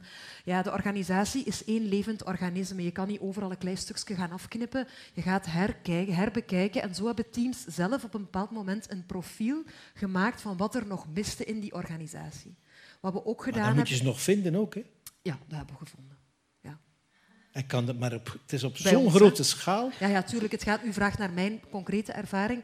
Bij FEMA hebben we dat wel. Wij, dat was voor ons echt een grote zorg. Wat gaan we doen met die vervangende tewerkstelling? We zijn met 60 mensen. Als iedereen een beetje minder gaat werken, hoe gaan we dat aanpakken? Maar door echt wel aan uw arbeidsorganisatie te gaan werken, krijg je wel de profielen veel zuiverder. Ja. Oké. Maar ik ben helemaal voor andere organisatie van de arbeid. Um, maar ik denk wel vandaag dat je de krapte op de arbeidsmarkt niet kan ontkennen. We hebben vorige week een enquête gedaan bij 600 KMO-werkgevers. Uh, van degenen die, voor het voorbije jaar een vacature hadden openstaan, had 80% moeite om die vacature ingevuld te krijgen. Ofwel omdat er geen kandidaten waren, ofwel omdat er maar een heel beperkt aantal kandidaten waren en dan nog niet met de juiste competenties. En de helft van die werkgevers heeft uiteindelijk de vacature moeten stopzetten, heeft niemand kunnen aanwerven. Dus vandaag is er al een groot probleem om dan te zeggen, morgen als we allemaal veel minder werken, zal dat probleem verdwijnen, want zal dat net de oplossing zijn voor de krapte op de arbeidsmarkt. Ik heb wel uh, moeite om dat te geloven. Neemt niet dus weg. met andere woorden, ja. het idee dat je ze kunt halen uit de arbeidsreserve aan werklozen, aan huisvrouwen, huismannen ook, maar ja, kom, allez, moeten eerlijk zijn, huisvrouwen dus, ja, uit, uit eventueel langdurig zieken, daar gelooft u voor, maar voor een heel klein beetje in. Ik denk dat er zeker nog een potentieel zit in de arbeidsreserve vandaag. uh, die we moeten activeren en waar dat we absoluut op moeten inzetten. We hebben daar ook redelijk wat voorstellen rond ontwikkeld. Maar die mensen zijn nodig om de huidige krapte op de arbeidsmarkt op te vangen. En daar is inderdaad nog heel wat te doen. Niet om minder te vullen. Ja, hier is er daarnet terecht opgemerkt dat binnen die groepen dat er nog eh, heel wat competenties ontbreken om zomaar in te stromen in de jobs die nu openstaan. Um, en ik wil er ook op wijzen, de sectoren waar ik het net over had, dat zijn ook net sectoren die jobs bieden aan lage scholen, maar dat zijn ook sectoren die vandaag in de problemen zitten. Ik kijk bijvoorbeeld naar de bouwsector. Ja, daar vindt men ook niet meer genoeg bouwvakkers vandaag om in te stromen, met als gevolg ja, concurrentie uit andere landen waar men ze wel vindt, waar de mensen wel bereid zijn om naar hier te komen om die activiteiten te verrichten. Ik denk dat we ongeveer dat we niet dichter bij elkaar geraken. Doe nog één poging. Ik, ik wil ook nog wel iets zeggen daarover. Ja. Ik, ja, ik vind dat ook wel een, een heel eenzijdige benadering. Want aan de andere kant kan je je ook de vraag stellen hoe komt dat er zo'n laag percentage aan zelfstandige vrouwen zijn. Ik vind dat wel een probleem. Allee, ik heb al vaak ook met, met, aan Unie zo gevraagd, ja, wat is jullie programma dan? Want uiteindelijk, ik denk dat 30 procent, als ik mij niet vergis, van zelfstandige vrouwen zijn. Dan vraag ik me af, ja, ligt dat dan allemaal aan die vrouwen? Ja, nee, dat ligt ook aan hoe dat we... Dus eigenlijk, wat, wat hij al zei, maar u, u zegt eigenlijk, precies door, dat, door minder als norm naar voren te schuiven, minder arbeid als norm naar voren te mhm. schuiven, ga je mensen enthousiast maken om te gaan Absoluut, werken. ja. En, en, ik denk dat de enige, enige echte oplossing die ik altijd hoor is ja, we gaan meer inzetten op flexibele kinderopvang. En dan denk ik, denk je nu echt dat uh, vrouwen meer gaan ondernemen als ze hun kinderen nog langer in de kinderopvang kunnen steken? Ik denk het eerlijk gezegd niet. Misschien als de mannen? Hoe zeg je? Als de mannen wat meer doen? Ja, absoluut. Ja. Dat zeker ook. Daarom vind ik ook dat arbeid... Met Alexander eens een mannelijke opmerking maken. Dat is wel zo. Hè? Dat uh, een van de dingen die uh, positief is dan... Uh, ik ben niet de ambassadeur, maar het is toch wel zo dat in Nederland de mannen meer doen. Hier? nee, in Nederland. Ah, in mannen meer dan, dan in België. Dus het feit dat je toch bezig bent met, met in ieder geval met die uren... Uh, betekent dat, uh, en nadenken over delen, want daar gaat het eigenlijk over. We hebben natuurlijk wel beleid gehad wat steeds uitstraalt, je moet eerlijk delen. Dan niet op een, hè, op een individuele manier, niet op een mhm. collectieve manier, maar daar is natuurlijk altijd op ingezet, mannen doen meer. En natuurlijk zijn dat vooral hoger opgeleide mannen, dat is zo, maar niettemin, er zijn meer werkende mannen die parttime werken. En we zien dat ze meer voor de kinderen zijn gaan zorgen. Mhm. Dus Nederland scoort nu, nu eh, net zoiets als Scandinavië. En is dat nu dankzij het arbeidsbestel, de wijdere verspreiding en de stimuleren, het stimuleren van deeltijdwerk? Of is het door het gebrek aan kinderopvang? Uh, nee, uh, ik zou ook zeggen dat het gebrek aan kinderopvang ook in België niet het probleem per se is, maar de kwaliteit daarvan. En de kostprijs. En, nou, in Nederland is het de prijs uh, van uh, de kinderopvang, want die is bij ons uh, vele malen hoger. Ja. Dat, is, dat kan de helft van je loon. Het ja. is in ieder geval hoger dan je hypotheek, -hmm. je kinderopvang. Ja. Elk land zijn probleem, hè? Precies. Maar, maar er zit dus wel iets in dat als je meer nadenkt over die arbeid, dan heb je meer kans dat je vooral ook mannen meer thuis dingen laat doen en vooral de zorg voor de kinderen meer op laat nemen. Dus in die zin, dingen die je op de arbeidsmarkt doet, die kunnen zeker uh, behulpzaam zijn voor de gesprekken thuis. Ja, want, en dan laat ik u... Ik vond uit dat boek dat hij één, van één ding uitgaat. Namelijk dat dat een vrij constante is, het gedrag van de mannen en de houding van de mannen. Nee. U zegt, nee, dat wordt mee beïnvloed door die arbeidsdeling. Zeker. Ah, ja. ja. Oké. Ik, ik, ik, ik, zeg net, uh, geef mannen de... Zet, zet, de, zet de kat bij de melk. Hè. Als je mannen tijd geeft doordat ze minder betaald werken, dan, dan, dan, dan stimuleer je ook, of, of gestimuleerd, je, je, biedt de incentive om, om een aantal zorgtaken en, en huishoudelijk werk op te nemen. Vooral in combinatie met langer vaderschapsverlof. Ik denk dat vooral die combo heel sterk zal zijn. Wat dat de 30 uurweek voor betaalde arbeid kan doen, kan dan uh, het vaderschapsverlof voor onbetaalde arbeid doen. Hè, voor, voor, uh, Ga eens naar de zelfstandige vrouwen. Allee, de vrouw van de zelfstandige. Ja. Van de zelfstandige. Nee, maar ik, ik, het, is breder dan, het gaat, gaat breder dan alleen zelfstandigen. Wat ik hier een beetje als ondertoon voel, um, dat is dat wanneer iemand, of ja, wanneer dat je ouder, een ouder bent, dat je eigenlijk uh, minder zou moeten werken om voor je kind uh, te zorgen. En eh, dat is eigenlijk een stelling uh, waar ik me niet in kan vinden. Ik denk, en ik denk ook dat heel wat uh, ouders zelf van mening zijn dat ze niet moeten noodzakelijk minder werken om een goed ouder te zijn en goed voor hun kind te zorgen. En, maar mevrouw Kremer vond, of heeft zelf gekozen, als ik me goed herinner, in u, wat u zei straks, toen de kinderen jong waren, vond ik dat ik wat minder moest werken. Ja, en nu werk ik wat meer. Net als hun vader? Ja, er zijn inderdaad mensen die dat individueel vinden, maar er zijn ook andere mensen die dat niet zo vinden. En dus ik denk niet dat we heel onze maatschappij moeten uh, inrichten op uh, de stelling dat ouders minder moeten werken om voor hun kinderen te zorgen. Er zijn ook ouders die graag voltijds werken, waaronder ook heel wat uh, zelfstandigen. En daarom dat wij ook daarvoor pleiten om niet alleen te investeren in collectieve maatregelen, zodat mensen individueel thuis kunnen blijven om individueel voor hun kind te zorgen, maar dat wij ook willen investeren in collectieve maatregelen om die kinderen op te vangen op een kwaliteitsvolle manier, wat dan nu al gebeurt, maar ook op een aantal op, op uren en uh, dagen uh, waar dat uh, voltijds werkende ouders daar nood aan hebben, ouders die flexibel werken, ouders die zelfstandig zijn, zonder dat daarom negatief waardeoordeel aangekoppeld moet worden. Mevrouw Marie? Ja, daar ga ik dus helemaal niet mee akkoord. Uh, in die zin dat uh, in ons actieonderzoek zit dat ook heel erg verankerd, het kindperspectief.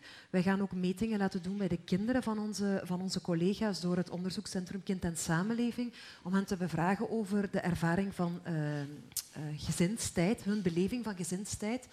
Um, omdat wij juist wel vinden dat een samenleving ervoor moet kiezen dat ouders, primaire zorgers, vaders of moeders, um, het kind recht heeft dat ouders bij hun kinderen zijn. En uiteindelijk gaat het niet over wat mensen vinden, het gaat er ook over wat kinderen vinden. En de kinderrechtencommissaris heeft nog een heel mooi afscheidsartikel gegeven in de Standaard dit weekend, waarin hij zegt dat het superbelangrijk is op dit moment om als samenleving na te denken hoe we meer ouders meer ruimte kunnen geven om op te voeden. Dus in die zin vind ik, we mogen niet alleen, en dat vind ik de sterkte van het FEMA-onderzoek, maar ook van het boek van Olivier, uiteindelijk als je naar een samenleving kijkt, dan zijn niet alleen de economische overwegingen van belang, die zijn ook van belang. Hè. Maar daarnaast is het superbelangrijk om ook na te denken hoe belangrijk is gelijkheid voor ons en hoe belangrijk is het kindperspectief voor ons. En ik persoonlijk vind dat kinderen een hele grote vakbond moeten hebben, omdat wij over hen praten. Oké, mevrouw uit Nederland, kunt u er een uitsluitsel bieden? ja, uh, ik, ik, denk, ik, denk, dat je een beetje meer uh, pragmatisch daarover kan zijn. Um, het punt is een beetje dat nu um, is, is, het ook lastig om als ouder te kiezen. Want uh, is het dan zo dat als je fulltime gaat werken, dat je tevreden bent met de kinderopvang die er is? Is dat de, van de kwaliteit waarvan, van Scandinavische kwaliteit, waarvan je echt kan zien dat het kinderopvang echt een bijdrage levert aan de ontwikkeling van het kind, dan is het denk ik helemaal niet erg als het kind daar vele uren doorbrengt. Als het goede professionele zorg is en dat het echt iets extra's is. En, uh, maar die keuze die op dit moment heb je die niet. Hè? Uh, want de kinderopvang is niet. Nou, uh, de kwaliteit van onze kinderopvang gaat toch wel in die richting, vind ik. Ik denk dat dat toch ook gezegd mag worden dat de kinderopvang in België goed is. En er zijn ook heel veel studies die aantonen, of die toch niet zeggen dat het negatief is voor kinderen om in kinderopvang uh, te zitten, wel in tegendeel. Um, ja, um, tegelijkertijd zie ik zelf heel veel onderzoek van pedagogen dat toch wel kritisch is over de leeftijd bijvoorbeeld waarop de kinderen naar de kinderopvang gaan en dat het in bepaalde fases over uh, beter uitpakt dan weer als ze weer wat ouder zijn. Oké, maar nu zijn we over dus de pedagogiek zijn... bezig, hoezeer ja, me dat, dat ook ja, interesseert. Dat is heel belangrijk. Ja? ja. Het is maar wel ik vind belangrijk. dus dat, men, dat er meer vrijheid moet zijn om te kunnen kiezen. Ja. Dus dat is toch mijn Nederlandse achtergrond. Is dat, je, dat ik vind dat uh, je, uh, als je kinderen naar de kinderopvang brengt, dat je daar een goed gevoel bij zou moeten hebben. En niet, niet denkt van ik ga het toch liever naar de opa en oma sturen. Of ik los het informeel op. Um, maar dat je ook kan kiezen om wel thuis te zijn. Dus je hebt het recht om te werken en je hebt ook het recht om thuis te zijn en meer uren thuis te brengen. En volgens mij heb je al die twee rechten in een uh, systeem nodig om mensen vrijheid te geven om te kiezen wat ze doen. Dus hoe dat moet alle twee. Hoe, je, hoe een kortere werkweek tot debatten leidt over kinderopvang. Ook. Maar het is ah, ja, een essentieel onderdeel. dat beklemtoont u trouwens in uw boek ook. Hè? Het is een en-en verhaal. Absoluut. Ja. Ik wou toch even dat u reageert op de kosten. Mm -hmm. U ontneemt een flink stuk van uw kosten, van, uw, van de betaling van uw systeem, komt van de bedrijven. Ze moeten hun productiviteitswinsten afstaan. Ze moeten loonlastverlaging en, uh, en uh, loonsubsidies afstaan ter financiering van de 30-urenweek in minder productieve sectoren. Of sectoren waar de productiviteit minder mhm, stijgt, mhm. zoals de zorg. Mm -hmm. nu, Mooi zeg, daar zou ik uh, ook ja, niet tevreden ja. mee zijn. Nu, als je goed kijkt naar waar, waar ik dat geld wil halen, hè, zeker en vast op korte termijn, hè, waar, waar komen die loonsubsidies vandaan, gaat dat in, in eerste instantie over overuren dus de, de lastenverlaging op overuren, ploegenarbeid en nachtarbeid. Welke sectoren maken daar gebruik van? Dat is de metaalsector, dat is de, uh, dat is de chemie. Ja, u moet een onderscheid maken. De overuren worden vooral gebruikt door haar kleine sectoren, de, de, nacht en de ploegen door de grote bedrijven. Ja. Juist. Ja. Juist. Dus, um, met andere woorden, zeker als je kijkt naar die ploegen- en nachtarbeid, zijn dat type voorbeelden van hoogproductieve sectoren. En ik durf, dus met andere woorden, sectoren die die 30-urenweek in een periode van 20 jaar waarschijnlijk relatief gemakkelijk zouden kunnen opvangen. Dus daar, gaat, daar komt het geld vandaan, waar dat er eigenlijk misschien zelf meer marge is. Daar komt 1 miljard van de 14 miljard loonsubsidies, zou ik maar even uh, kort door de bocht zeggen, komt vandaan. U maakt er zich gemakkelijk vanaf. Nu, ik, ik heroriënteer niet alles. Hè. Als je goed ziet, ga ik echt wel met de kam door die systemen. Er zijn twee dingen die, die ik voorstel. Dat is allereerst dus de subsidies voor overuren, uh, nacht- en ploegenarbeid. Dan heb je de tariefverlaging in de sociale zekerheid. Dus de, de, de algemene, niet gerechte uh, verlaging. En een derde maatregel is een algemene vrijstelling van de bedrijfsvoorheffing. Dus in 2007, 2008 heeft men een bepaalde sector loonsopslag gegeven en heeft de staat dat eigenlijk voor de bedrijven die die kost gesubsidieerd door eigenlijk een stuk van de bedrijfsverheffing. Dat zijn de drie maatregelen die ik voorstel. Het zijn die kosten die ik ga heroriënteren. Dus ik blijf af van alle subsidies, bijvoorbeeld voor startende ondernemingen, voor KMO's, uh, eh, voor de sociale sector. Voor, allee, er bestaat de, het grote deel van die pot blijft onaangeraakt. Hè. Gerustgesteld? Dus, maar, nee, want ik hoor u toch ook zeggen de RSZ-verminderingen. Dus die zijn wel specifiek gericht op bijvoorbeeld de lage lonen. Nee, die, en die zijn, die zijn, die zijn zeer noodzakelijk. Maak het niet te technisch. Maak het niet te technisch. Nee, hm. maar dat, het, het, klopt niet. De bijdrageverminderingen zijn gericht op lage lonen. Die behoud ik integraal. De algemene tariefvermindering is voor alle bedrijven is niet gericht. Dan moet u dat hoofdstuk van uw boek toch wat de meer uitschrijven. Ja, nu, het, het, tweede, ik wil daar toch iets aan toevoegen. Ik heb een interessant rapportje mee, hè, wat ik had wel al verwacht dat er hier van... Uh, kost. Hè. Hij heeft het rapport mee van de CRB over de loonnorm. Oh, nee. ja, de loonkosten. En ik wil dat toch één iets van mijn hart. En uh, wat, ik, wat ik zeg is dat eigenlijk, als je bekijkt gemiddeld gezien in de Belgische economie, dan is er eigenlijk een vorm van oversubsidiëring. Als je de bijdragekorting en de loonsubsidie samenneemt, dat is 13,6 miljard euro. We zijn daarbij, wij kloppen de Nederlanders, uh, niet, niet, het is niet geen close finish. Hè. We hebben acht keer zoveel loonsubsidies als onze, maar onze. Maar hun sociale zekerheidsbijdragen zijn wel fundamenteel veel lager. Ja, oké. Maar en wij hebben ook een loonhandicap ten opzichte van nee, die nee, landen. Nee, nee, dat is, dat is Allee, maak punt. uw punt. Dat is net we... het punt. Wij zijn 12,6 procent duurder in uurloonkost. Maar als je productiviteit meerekent, zijn wij 1,2 procent duurder. Maar als je dan nog een keer de loonsubsidies in rekening brengt, dan zijn wij eigenlijk goedkoper dan de buurlanden. Want u weet even goed als ik dat in de loonnormwet om een of andere bizarre reden dat loonsubsidies niet in rekening gebracht worden. Dus laten we een stuk van die oversubsidiëring in hoogproductieve sectoren gaan heroriënteren om die kortere werkweek te gaan financieren. Dat okay. is mijn pleidooi. Ja, en een heel korte twee, reactie. Ik probeer zo kort afronden. mogelijk, maar er is zo'n groot misverstand over die hoge Belgische productiviteit. Uh, ten eerste is, heeft het al een tijdje geleden dat er daar uh, grote stijgingen zijn geweest. En als er stijgingen zijn, dan is dat omwille van investeringen in kapitaal. Niet omdat wij zoveel meer werken en daardoor meer output hebben. Dus dat is toch belangrijk om mee te nemen. En ik denk dat je niet kunt ontkennen dat België nog altijd een loonhandicap heeft ten opzichte van de buurlanden. Maar ik zou graag nog iets anders zeggen, want ik heb toch goed begrepen dat uh, naast de, de, het afschaffen van bepaalde loonlastverminderingen om uh, de 30-uurweek in bepaalde sectoren te financieren, zullen wel nog altijd alle werkgevers eigenlijk ook de facto de, loon, de, de loonstijging in hun bedrijf zelf moeten financieren. Want in hun bedrijf, de werknemers gaan minder werken en hopelijk vinden ze dan andere mensen om die, dat, dat op te vangen. Maar dus in, op bedrijfsniveau betekent dat sowieso een stijging van de, het bruttoloon, zelfs los, los van de bijdragen die dan op dat bruttoloon betaald moeten worden. Dus dat blijft toch nog altijd een kostprijs waar ik nog geen antwoord op gehoord heb hoe men dat moet doen, wetende dat we dan nu al die loonkosthandicap van 12% ten opzichte van de buurlanden hebben. Niet over de loonkostenhandicap ja, ja. van buurlanden. maar inderdaad, ja, ja voilà, want daar, dan zijn we in een totaal ander debat. Het, het, maar het, punt is, de loonstijgingen moeten betaald worden door de bedrijven altijd. Dat is zo, maar je moet ook in rekening brengen dat als je dat alleen met de productiviteitsgroei doet, hè, dus het feit dat als je inderdaad een werknemer betaalt en je betaalt voor dat uur meer, hè, want als je de arbeidsduur inkort met loonbehoud, stijgt het uurloon. Hè, dat is logisch. Eh, maar die werknemer brengt in, in economische termen meer op dan is dat eigenlijk voor bedrijven een nuloperatie. En als je die twee evoluties perfect aan elkaar koppelt, dan, dan, dan, dan is dat gewoon perfect in evenwicht. Hij brengt meer op omdat hij minder gaat werken. Ik nee, nee, nee, geloof het niet. Nee, nee, nee. Het punt is, je hebt door allerlei fenomenen, door technologische evoluties, door beter kennisniveau, door concurrentie ook, dat moet erkend worden, uh, door, door uh, nieuwe machines, stijgt het rendement van een werkuur.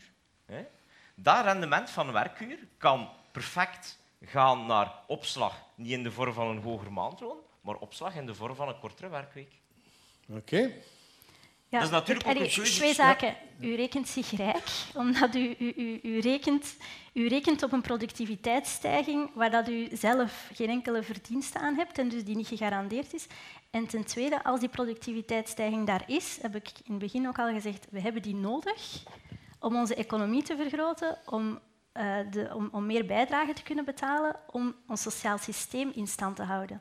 Als we dat uitdelen aan minder werken, als het er al zou zijn, op deze manier, ik weet niet of we die productiviteitsstijging nog zullen kunnen realiseren, maar als ze er zal zijn en we gebruiken ze voor iets anders, dan zullen we de pensioenen moeten verlagen en de gezondheidszorg niet op dezelfde manier kunnen terugbetalen. Dat is de realiteit. Heel kort nu nog. Heel kort, als er één iets is waarop dat we nu de sociale zekerheid uh, uh, kapot maken, dan is het wel door uh, op snel tempo langdurig zieken te gaan produceren. omdat ons werk te weinig werkbaar is en omdat we overwerk stimuleren, omdat werk niet in evenwicht met zorgtaken is, omdat mensen tijdsdruk ervaren. Dus ik vind het nogal een, een, een zwart-wit verhaal om te zeggen van als we die productiviteitsgroei gaan investeren in collectief minder werken, met, met herbezetting van uren enzovoort enzovoort, eh, dan zou de sociale zekerheid failliet gaan. Dat vind ik nogal een, een, een zeer bizarre redenering. Ja. Er zijn, ook, er zijn, ook, indicaties. Bijvoorbeeld, er is een effectenrapport gemaakt over de einde loopbaanregeling. Dat is een sector waar 800.000 mensen te werk gesteld zijn, waar het gaat over die rimpeldagen. Oké, je kan zeggen dat is een vorm van arbeidsduurvermindering door het toekennen van extra verlofdagen. Uh, weet je wat rimpeldagen zijn? Uh, rimpeldagen zijn... Prachtig. Ik wil er wel één. Ja. Ik wil er wel één. Nou, bij deze krijgt u... Als u 45, wacht, als u 45 jaar bent, dan krijgt u twee, ofwel twee uur... Moet u voor hetzelfde loon twee uur minder werken in de zorg, ofwel 12 uur dagen vakantie. Als u 50 bent, vier uur of 24 dagen. Als u 55 bent, zes uur minder werken per week voor hetzelfde loon en 36 dagen. Dus in de realiteit, dat zijn rimpeldagen. Ja, in de realiteit werken bij ons 55-plussers 32 uur uh, per week. In de zorg en in, het, in de welzijn. Ja, absoluut. Hè, door de witte woede bekomen. Hè, de, uh, dat was een grote sociale strijd. En uiteindelijk, uh, het effectenrapport zegt eigenlijk dat dat een, een, een budgetneutrale ingreep is geweest. In die zin dat mensen ook langer blijven werken, meer bijdragen betalen, meer consumeren en zo verder, minder snel uitvallen.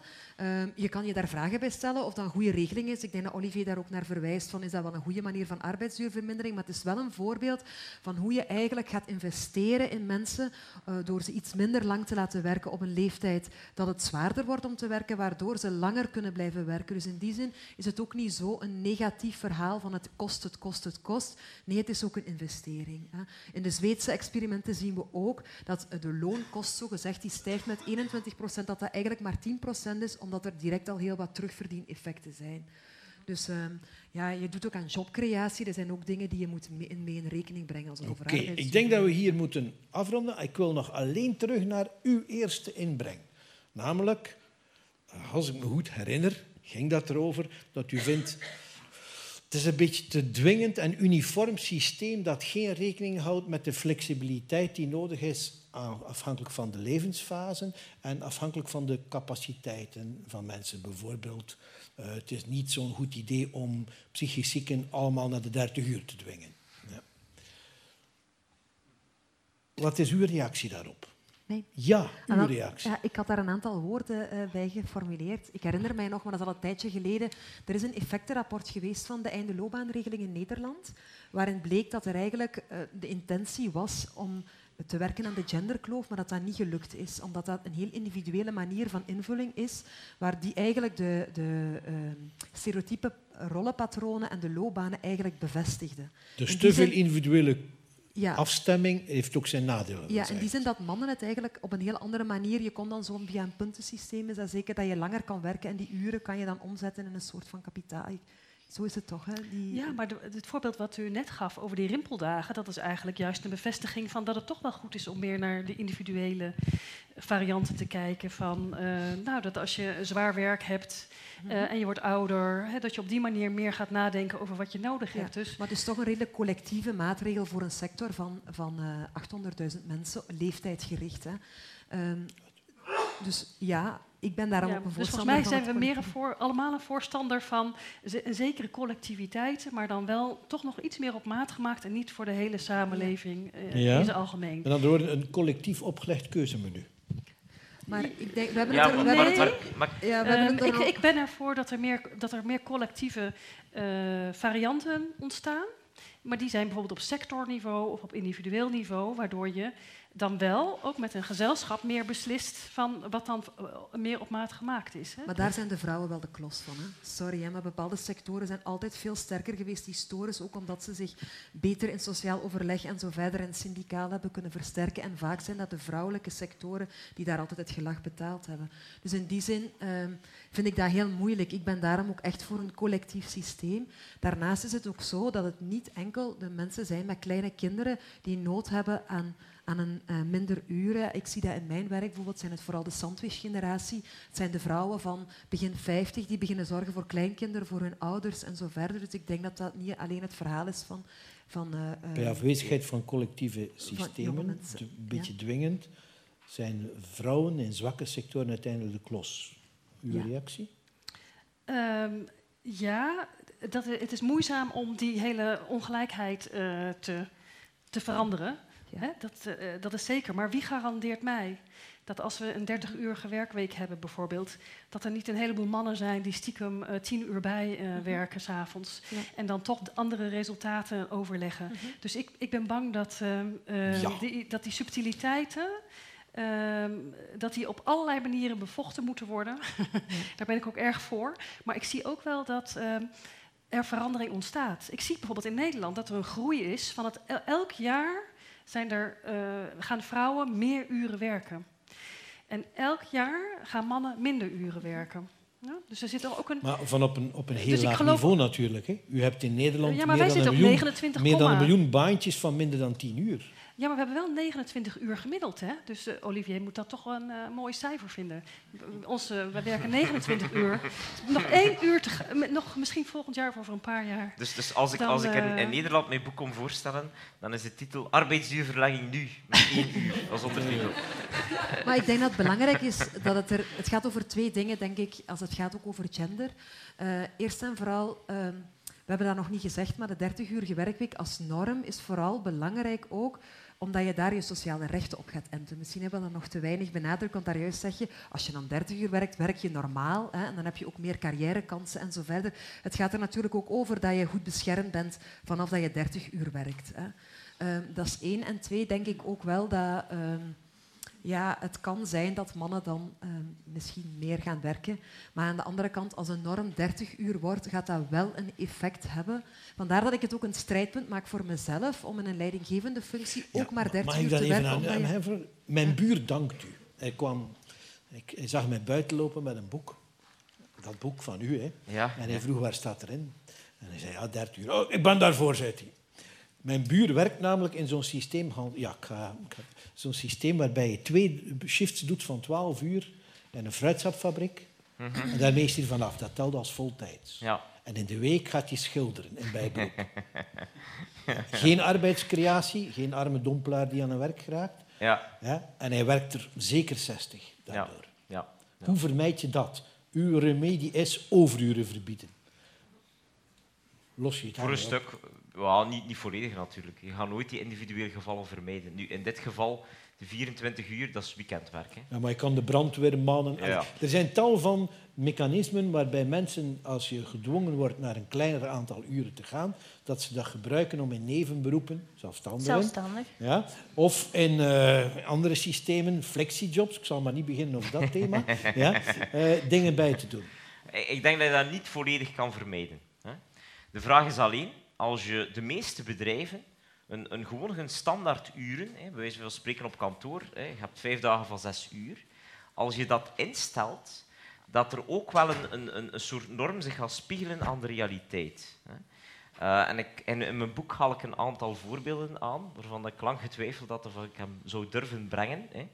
Uh, maar voor iets heel sociologisch interessant is Oost- en West-Duitsland. Laat ons duidelijk zijn, Oost-Duitsland, ik heb daar niet de minste sympathie voor, hè, dus dat is uh, aan deze kant van de baan. Maar die geschiedenis is helemaal anders. Hè. Dus de voor, de vrouwen, voor de vrouwen. Hè. De werkende vrouw was in Oost-Duitsland, als er iets positief was, was dat er veel kinderopvang was. Hè. In, de, in West-Duitsland was dat enorm ondermaats. En wat zie je eigenlijk 30 jaar na de wende, door het feit dat die onder, onder andere uh, in een andere economische context zijn opgegroeid, dat de visies ten opzichte van werkende moeders heel hard uiteenlopen tussen Oost en West. Dat is echt een enorm verschil. Dus in West-Duitsland is een voltijds werkende moeder noemt men een rabenmoeder. Dus dat is een raaf, een, een ravenmoeder die uh, net als een, een, een, raaf eigenlijk haar moeders te vroeg achterlaat aan, een, aan een lot, uh, ja, kinderen achterlaat uh, aan een lot in die crash. Dus ik denk dat als je gaat voor collectieve maatregelen die eigenlijk in de, economische structuur dingen wijzigen, dus kinderopvang, een nieuwe voltijdse norm, dat ook wel die norm zal wijzigen. Waarom? Omdat we wat we zien eigenlijk voor een stuk ervaren als normaal. En als je voor mannen die voltijdse norm gaat wijzigen en zeggen van 30 uur is normaal, dan ga je ook zien dat die, die, die typisch mannelijke rolpatronen van de man moet als kostwinner en de man moet extreem veel uren doen, dat dat ook zal minderen. En daarom ben ik begonnen met ze voor te stellen als socioloog. Die, gelo die geloven zijn heel belangrijk. Die, die, geloven in beïnvloeding van individuele patronen via collectieve uh, patronen. Maar ik wil nog even eindigen met hoog tijd voor experimenten. Eerst aan u. Bent u bereid mee te doen? Ja, ja, u, kijk, kijk naar u. Dat was mooi. Als, ont, als ontwijkend gedrag mocht dat Nee, ik wou gewoon checken of dat het tegen mij was. Echt wel tegen u. U hebt daar ergens in een van uw beginopmerkingen gezegd van... Maar ik vind wel dat bedrijven die aan het zoeken zijn naar... Uh, wat was het, creatieve manieren om, tijds, om via tijdsinvulling uh, te werken werkbaarder te maken. Ik kan u niet meer letterlijk citeren dat we, da, dat we, dat we die moeten stimuleren. Ja? Dat is, ook, dat is ook iets helemaal anders dan wat we hier net besproken hebben. En sluit wat aan bij wat er daarnet gezegd is. Alles collectief organiseren op een 30-urenweek met dat als referentiepunt ook voor de opbouw van sociale rechten heb ik al daarnet gezegd, onbetaalbaar en onhaalbaar. Maar individueel, iedereen heeft het recht om individuele keuzes te maken. En elk bedrijf heeft natuurlijk ook het recht om de arbeidsorganisatie binnen het bedrijf uh, vorm te geven. Dus een bedrijf dat daarmee wilt experimenteren, moet dat zeker doen. Uh, wat, wat, heb ik daar nu als werkgeversvertegenwoordiger uh, tegen in te brengen? Ik denk alleen dat er niet zoveel ondernemingen in de privésector zullen zijn die een economisch haalbaar model op die basis uh, zullen kunnen uitbouwen.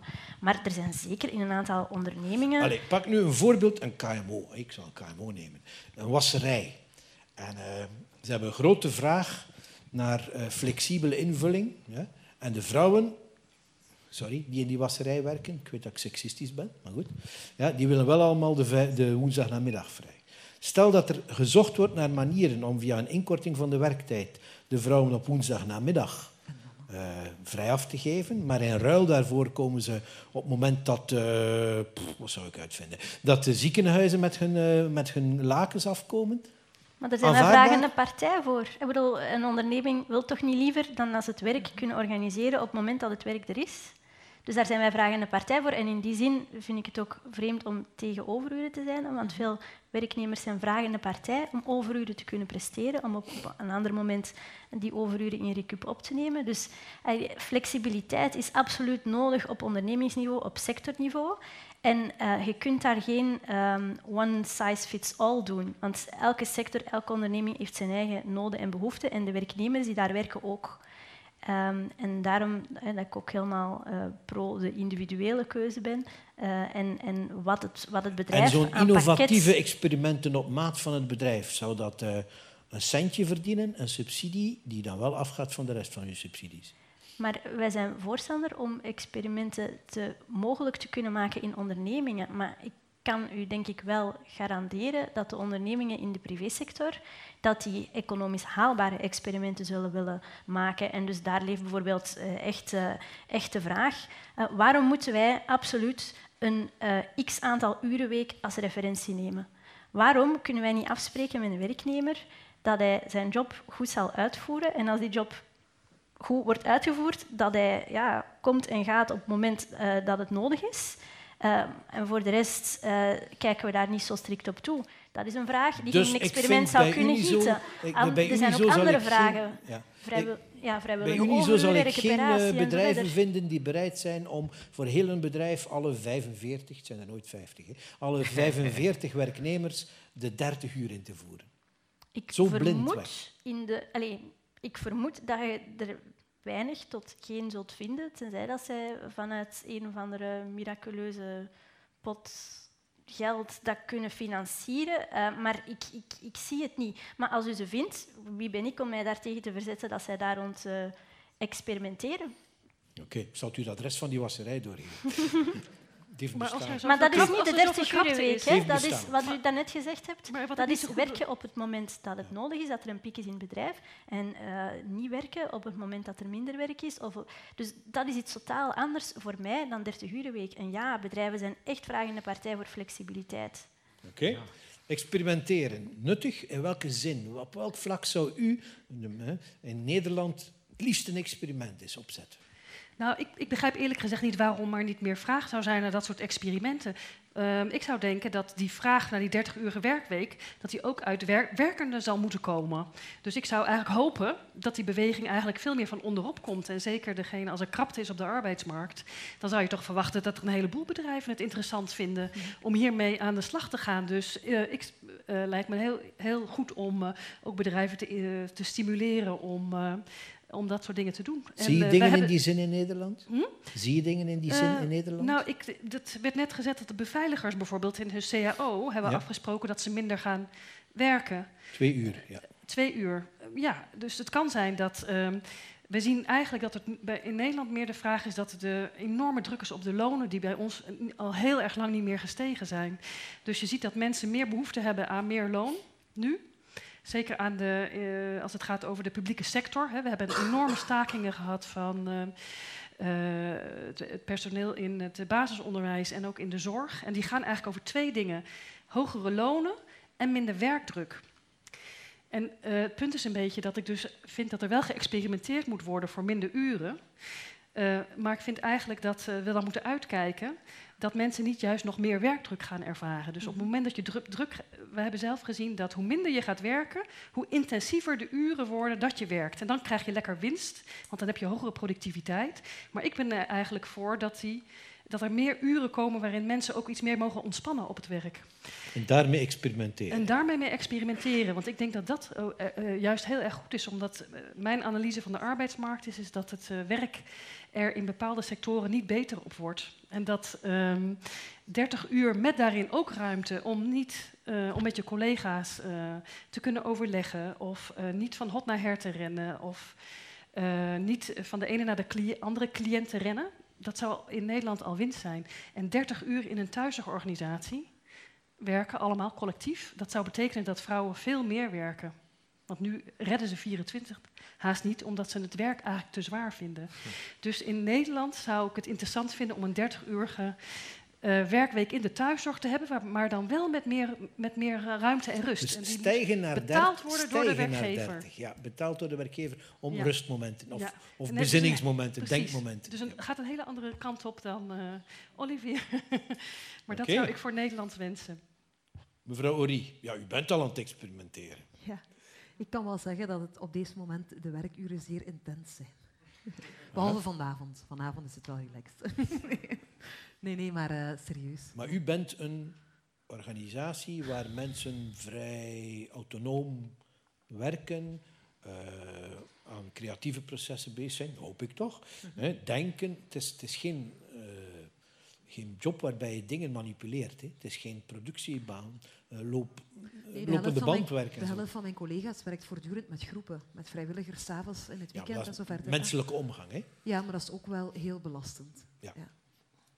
Dus ik bedoel, dat is een, dat is een belast, dat is een, een, een, uh, een zware job. Dat was niet mijn, de strekking ah. van mijn opmerking. Ik onderschat uw werk niet. Maar het is wel fundamenteel anders dan aan een lopende band staan ah, en zo, dingen maken. Ja, maar natuurlijk zijn er bepaalde dingen. Zijn het ook producten die we afleveren, magazines die we maken, reizen die we organiseren voor vrouwen. Uh, ja, workshops die we geven en zo verder. Dus dat is allee, opleidingsuren die we moeten presteren. Dus in die zin ja, is het... Ik weet niet wat je precies bedoelt met je zijn opmerking. Er maar... Zijn er uw experimenten bekend van de 30 week invoeren in pure productieomgevingen? Ja, zeker en vast. Ja, in Finland, in, in België. In België. In België. Philips. Nou, dank u, dat is goed gegaan met Philips. Ja, wat, en Dendermonde is er nog een vestiging van Philips die met shiften van 6 uur werkt. Dus het, het systeem van twee shiften, 30 uur voltijds. Met uh, welk resultaat? Uh, met welk resultaat? Ja, die ene vestiging is er. En blijkbaar was dat een, uh, een kostenneutrale operatie. Dus door het feit dat de bedrijfstijd verlengd werd. Dat is het enigste voorbeeld dat ik in de Belgische context ken hiervan. Uh, maar, maar voor het in het buitenland. Uh, dit systeem wordt toegepast in Noorwegen, Finland, uh, noem maar op. In Finland zijn er verschillende bedrijven die in de jaren 90, industriële bedrijven, hè, naar een 30-uur-week met, met, met voltijds loon zijn gegaan. die op die manier de machines optimaler hebben benut. En die uiteindelijk geëindigd zijn op een lagere productiekost. Dus kan je dat, kan je dat doctoraat be, bezorgen. Hè. Dat is echt wel geen uitzondering. Dus ik denk het verhaal wat, wat Caroline Deiteren zegt, van ook al zouden geen incentives creëren, zou je incentives creëren voor bedrijven. Niemand gaat die, die vis gaat niet bijten. Ik geloof dat niet. Hè. Ik denk dat wat het nu het geval is, is niet dat de 30 uurweek te verwoorden is, maar het feit dat bijvoorbeeld FEMA een jurist heeft moeten inhuren om zich het, uh, het mijnenveld rond die 30 uurweek te gaan verkennen, dat is te zot voor woorden. Eigenlijk is er onvoldoende kader en ondersteuning voor bedrijven die dat willen doen. En er zijn een aantal hindernissen. Je hebt de loonnormwet bijvoorbeeld als hindernis. Je hebt een aantal regels in de pensioenstelsels. Je hebt ook rond de arbeidstijdwetgeving een aantal regels die niet zo gunstig zijn hiervoor. Maar ik wil u laat, laat, laat, Dus dat, dat is absurd. Dus dat moeten we gaan doen. En aan de andere kant moeten we ook zeggen van kijk, er zijn heel veel langdurig zieken, er is heel veel tijdsdruk, heel veel ouders die naar, naar adem snakken. Uh, laten we een stukje van die bedrijfssteun gaan heroriënteren richting bedrijven die daarmee aan de slag willen. En ik sta concreet voor die anderhalf miljard voor overwerk, ploegenwerk, eh, nachtarbeid, om dat te gaan heroriënteren. En met dat bedrag kunnen, als je 40% subsidieert van de kosten, 20.000 bedrijven in de private sector aan de slag. En ik denk dat dat de eerste stap is die we moeten zetten. Niet, niet meteen, en dat besef ik, het debat is nog niet rijp voor een, voor een wet die morgen stemt van we gaan die 30 uur week invoeren, maar laten we eerst dat terrein een keer effenen voor de interesse die er bestaat. Oké, ik ga over naar... We hebben nog even. We zijn later, iets later begonnen. Ongeveer op hetzelfde moment eindigen we. We hebben dat kwartier te laat of twintig minuten te laat behouden. Dus ik vermoed dat u nog in staat bent om even te letten, op te letten en vragen te stellen. En onze charmante assistent, dat vind ik altijd leuk als dat een man is. Mag ik u een truc verklappen? De beste vraag, een journalistieke truc. De beste vragen zijn de kortste vragen. Want die blijven hangen. Ja. Um, de discussie is uh, vooral gegaan over uh, uh, echtparen of gezinnen waar voor de kinderen moet worden gezorgd. Maar we wonen hier in Brussel. Meer dan de helft van de huishoudens zijn eenpersoonshuishoudens. Daar valt dus helemaal niks te zorgen en geen taken te verdelen. Verder is er gesproken over zorg misschien voor oude mensen. Dan heb je ineens een moeder of zoiets. Maar die woont misschien helemaal niet in Brussel. En als je kijkt dat meer dan de helft van de bevolking hier uit het buitenland komt, dan is het een heel groot deel wat helemaal geen familie heeft om voor te zorgen. Dus het is een discussie die helemaal niet in deze tijd past, maar een discussie van 30 jaar geleden. En verder wil ik tegen meneer nog zeggen dat in. Uh, u zei net dat zo in de DDR uh, was het allemaal zo mooi. Maar nee. Nou, er staat op Wikipedia. Dat is een parafrasering. Uh, nou, dat heb ik niet gezegd. Op, Wiki, op, op Wikipedia er staat een lijst van, uh, van uitkeringen voor, voor, voor moeders en getrouwden en, en, en zwangerschappen, weet ik veel wat allemaal. De landen die het hoogste scoren, dat zijn de landen die onderaan de welvaartsgrens liggen, met Cuba als kampioen. Uh, u bedoelt scoren in zaken werktijd of wat? Dus die landen die hoog scoren in geld voor vrouwen ah, ja, met die zwanger zijn en wat dan ook. Cuba is wereldkampioen daar. Oké, ja. Uh, ik veronderstel dat de vraag vooral op u gericht is.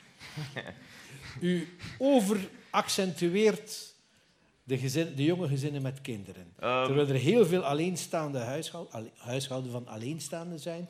En heel veel mensen waarbij de zorgplicht, of het nu om ouderen gaat of om jongeren, eigenlijk niet van tel is. Het is van 30 jaar geleden. Het is van 30 jaar geleden.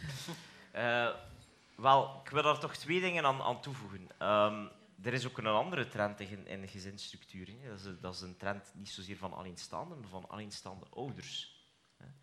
En daar zie je dat die mensen zowel tijd als geld tekort hebben. Dat is 16% van de huishoudens in België.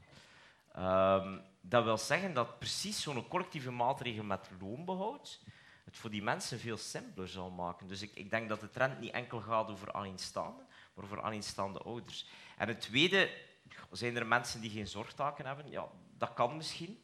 Uh, maar mij zou het verbazen dat, dat mensen geen familie hebben. Hè. Dat, ze hebben er tenminste ooit gehad. Hè. Maar mevrouw, haar opmerking gaat toch ook de richting uit van mevrouw Kremer, namelijk geen te lapidair, eenzijdig, eenvormig model.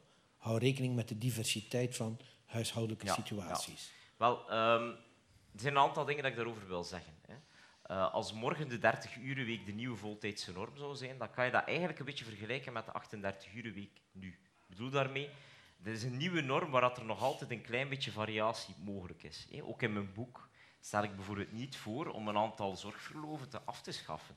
Nee, ik stel alleen voor om, nu worden die zorgverloven eigenlijk een beetje als pasmunt gebruikt om het een beetje behapbaar te krijgen, als onder de 4-5-formule. Dus het gaat er niet over dat we mensen die willen zorgen voor een, voor een, voor een moeder bijvoorbeeld, mantelzorgers, dat we die niet de mogelijkheid geven om minder dan 30 uur te gaan werken. Dat vind ik niet. Het gaat er alleen over dat we die voltijdse norm, dat we die zodanig afstemmen dat alleenstaande ouders en mensen die met twee verdieners, dat die op voet van gelijkheid, beide geslachten op voet van gelijkheid, kunnen werken, kunnen zorgen en, en kunnen een engagement hebben. U weet er nog veel meer over zeggen, maar ik ga u afremmen, want ik wil nog een paar vragen en u wil ook reageren. Ja, twee dingen daarop. Het gaat ook niet alleen over zorgarbeid, want u hebt gelijk, er wordt hier veel gepraat over zorgarbeid. Maar in het begin van het gesprek heb ik gezegd, je hebt ook sociale arbeid. En sociale arbeid is eigenlijk dat je geëngageerd bent in de samenleving waarin je leeft. Verenigingsleven. Dus iemand die single is, en er zijn in Brussel inderdaad heel veel e- e- e- eenpersoonsgezinnen, willen zich ook engageren in hun stad, willen zich ook engageren tegenover hun buren en zo verder. En het tweede wat ik daar nog op wil zeggen is, eigenlijk, ehm, en dat is ook een beetje aansluitend op wat mevrouw Kremer zegt, er zijn echt veel werkgevers die moeite hebben om de volgende generatie aan te trekken op de werkvloer. Als ik uitnodigingen krijg van werkgevers om te praten over de 30-urige werkweek, is dat altijd met de vraag hoe kan ik een aantrekkelijke werkgever zijn, want hier komen jonge mensen en die hebben geen kinderen, die zijn alleen en die zeggen, je zou wel goed gek zijn als je vijf dagen per week wil werken. Ik heb ook andere dingen die ik belangrijk vind. Dus in die zin denk ik dat het 30-urige werkweek niet noodzakelijk een model moet zijn van, van de jaren 70. Maar een lokmiddel kan zijn om, schaars, om, die schaarse arbeidskrachten van, van mevrouw Deiteren aan Zeker ook. En dan gaat het, zijn het ook vaak die jongeren die hebben nog geen kinderen, die hebben nog geen zorgen. En die zijn vaak alleen, maar die zijn ook op zoek naar andere dingen. Dus in die zin gaat het niet alleen over zorgarbeid. Volgende vraag, graag. Sorry, ik heb een heel korte vraag. Ik wou alleen uh, misschien ietsjes meer informatie over als we de voltijdsuren uh, gaan hernormaliseren naar 30 uur, naar die 30 uur week.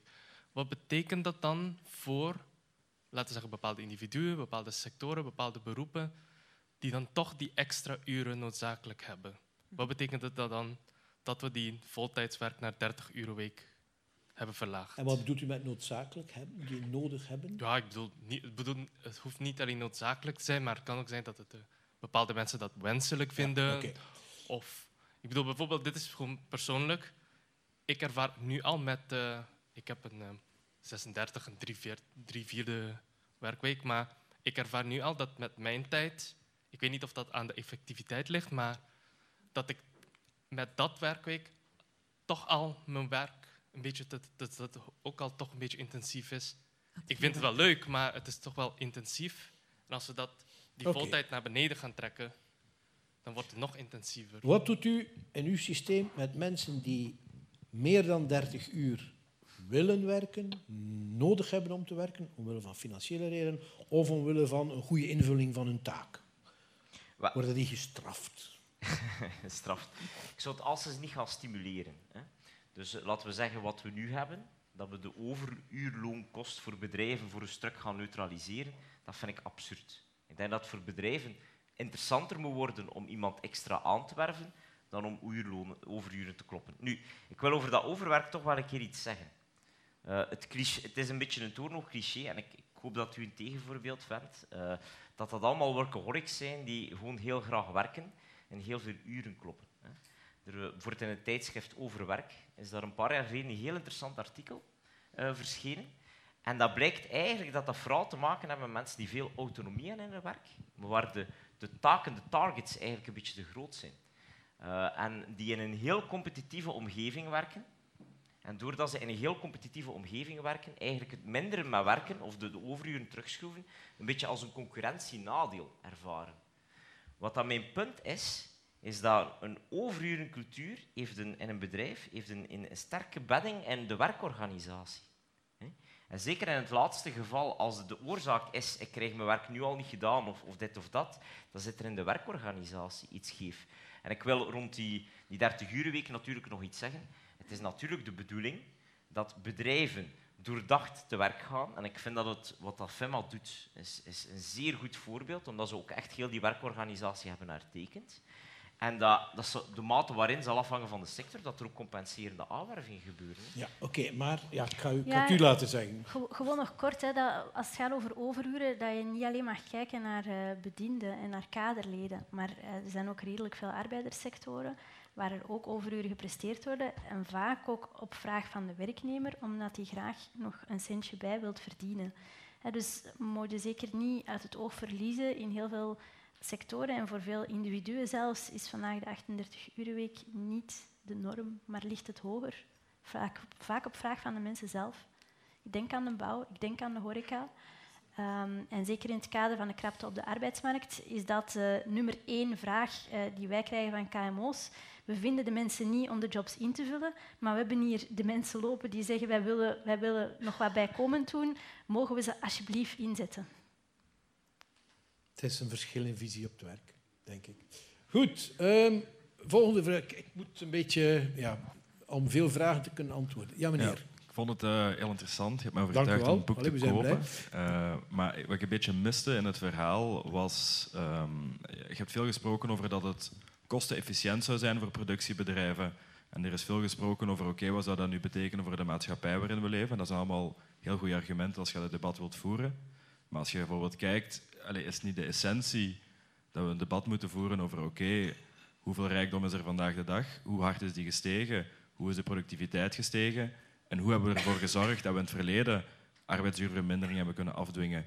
En dat het misschien een beetje te veel is op zoek gaan naar oké, hoe, kunnen hoe kunnen we het laten werken voor iedereen? In plaats van dat we onze vraag gaan stellen, oké, waar komt de rijkdom vandaan en hoe gaan we die beter kunnen laten terugvloeien naar de mensen die hem ook effectief creëren. En je hebt het op pagina 120 of zo in je boek gezet, dat deel over herverdeling. Waarom is dat niet pagina 1 van uw boek? dat zijn twee uiteenlopende vragen. De eerste gaat over... Uh, moeten we niet vanuit een... Uh, waar, waar wordt de rijkdom geproduceerd? En moet die niet automatisch terugvloeien naar de mensen? En twee, een beetje het verwijt u had meer aandacht moeten, of meer klemtoon moeten leggen op het, eh, het nut van 30 urenweek voor het kansen geven op werk aan mensen die het nu niet hebben. Mhm. Dat tweede argument accepteer ik. Of dat, die tweede kritiek accepteer ik voor een Gebeurt deel. Alhoewel dat het een genuanceerd debat is. Je zal ook lezen in mijn boek dat om arbeidsdelen te laten werken, dus als tewerkstellingsmechanisme, dat er een, hele checklist is die moet worden uitgevoerd. Een van die, van die voorwaarden is overuren ontmoedigen. Uh, dus Caroline eh, is al heel content.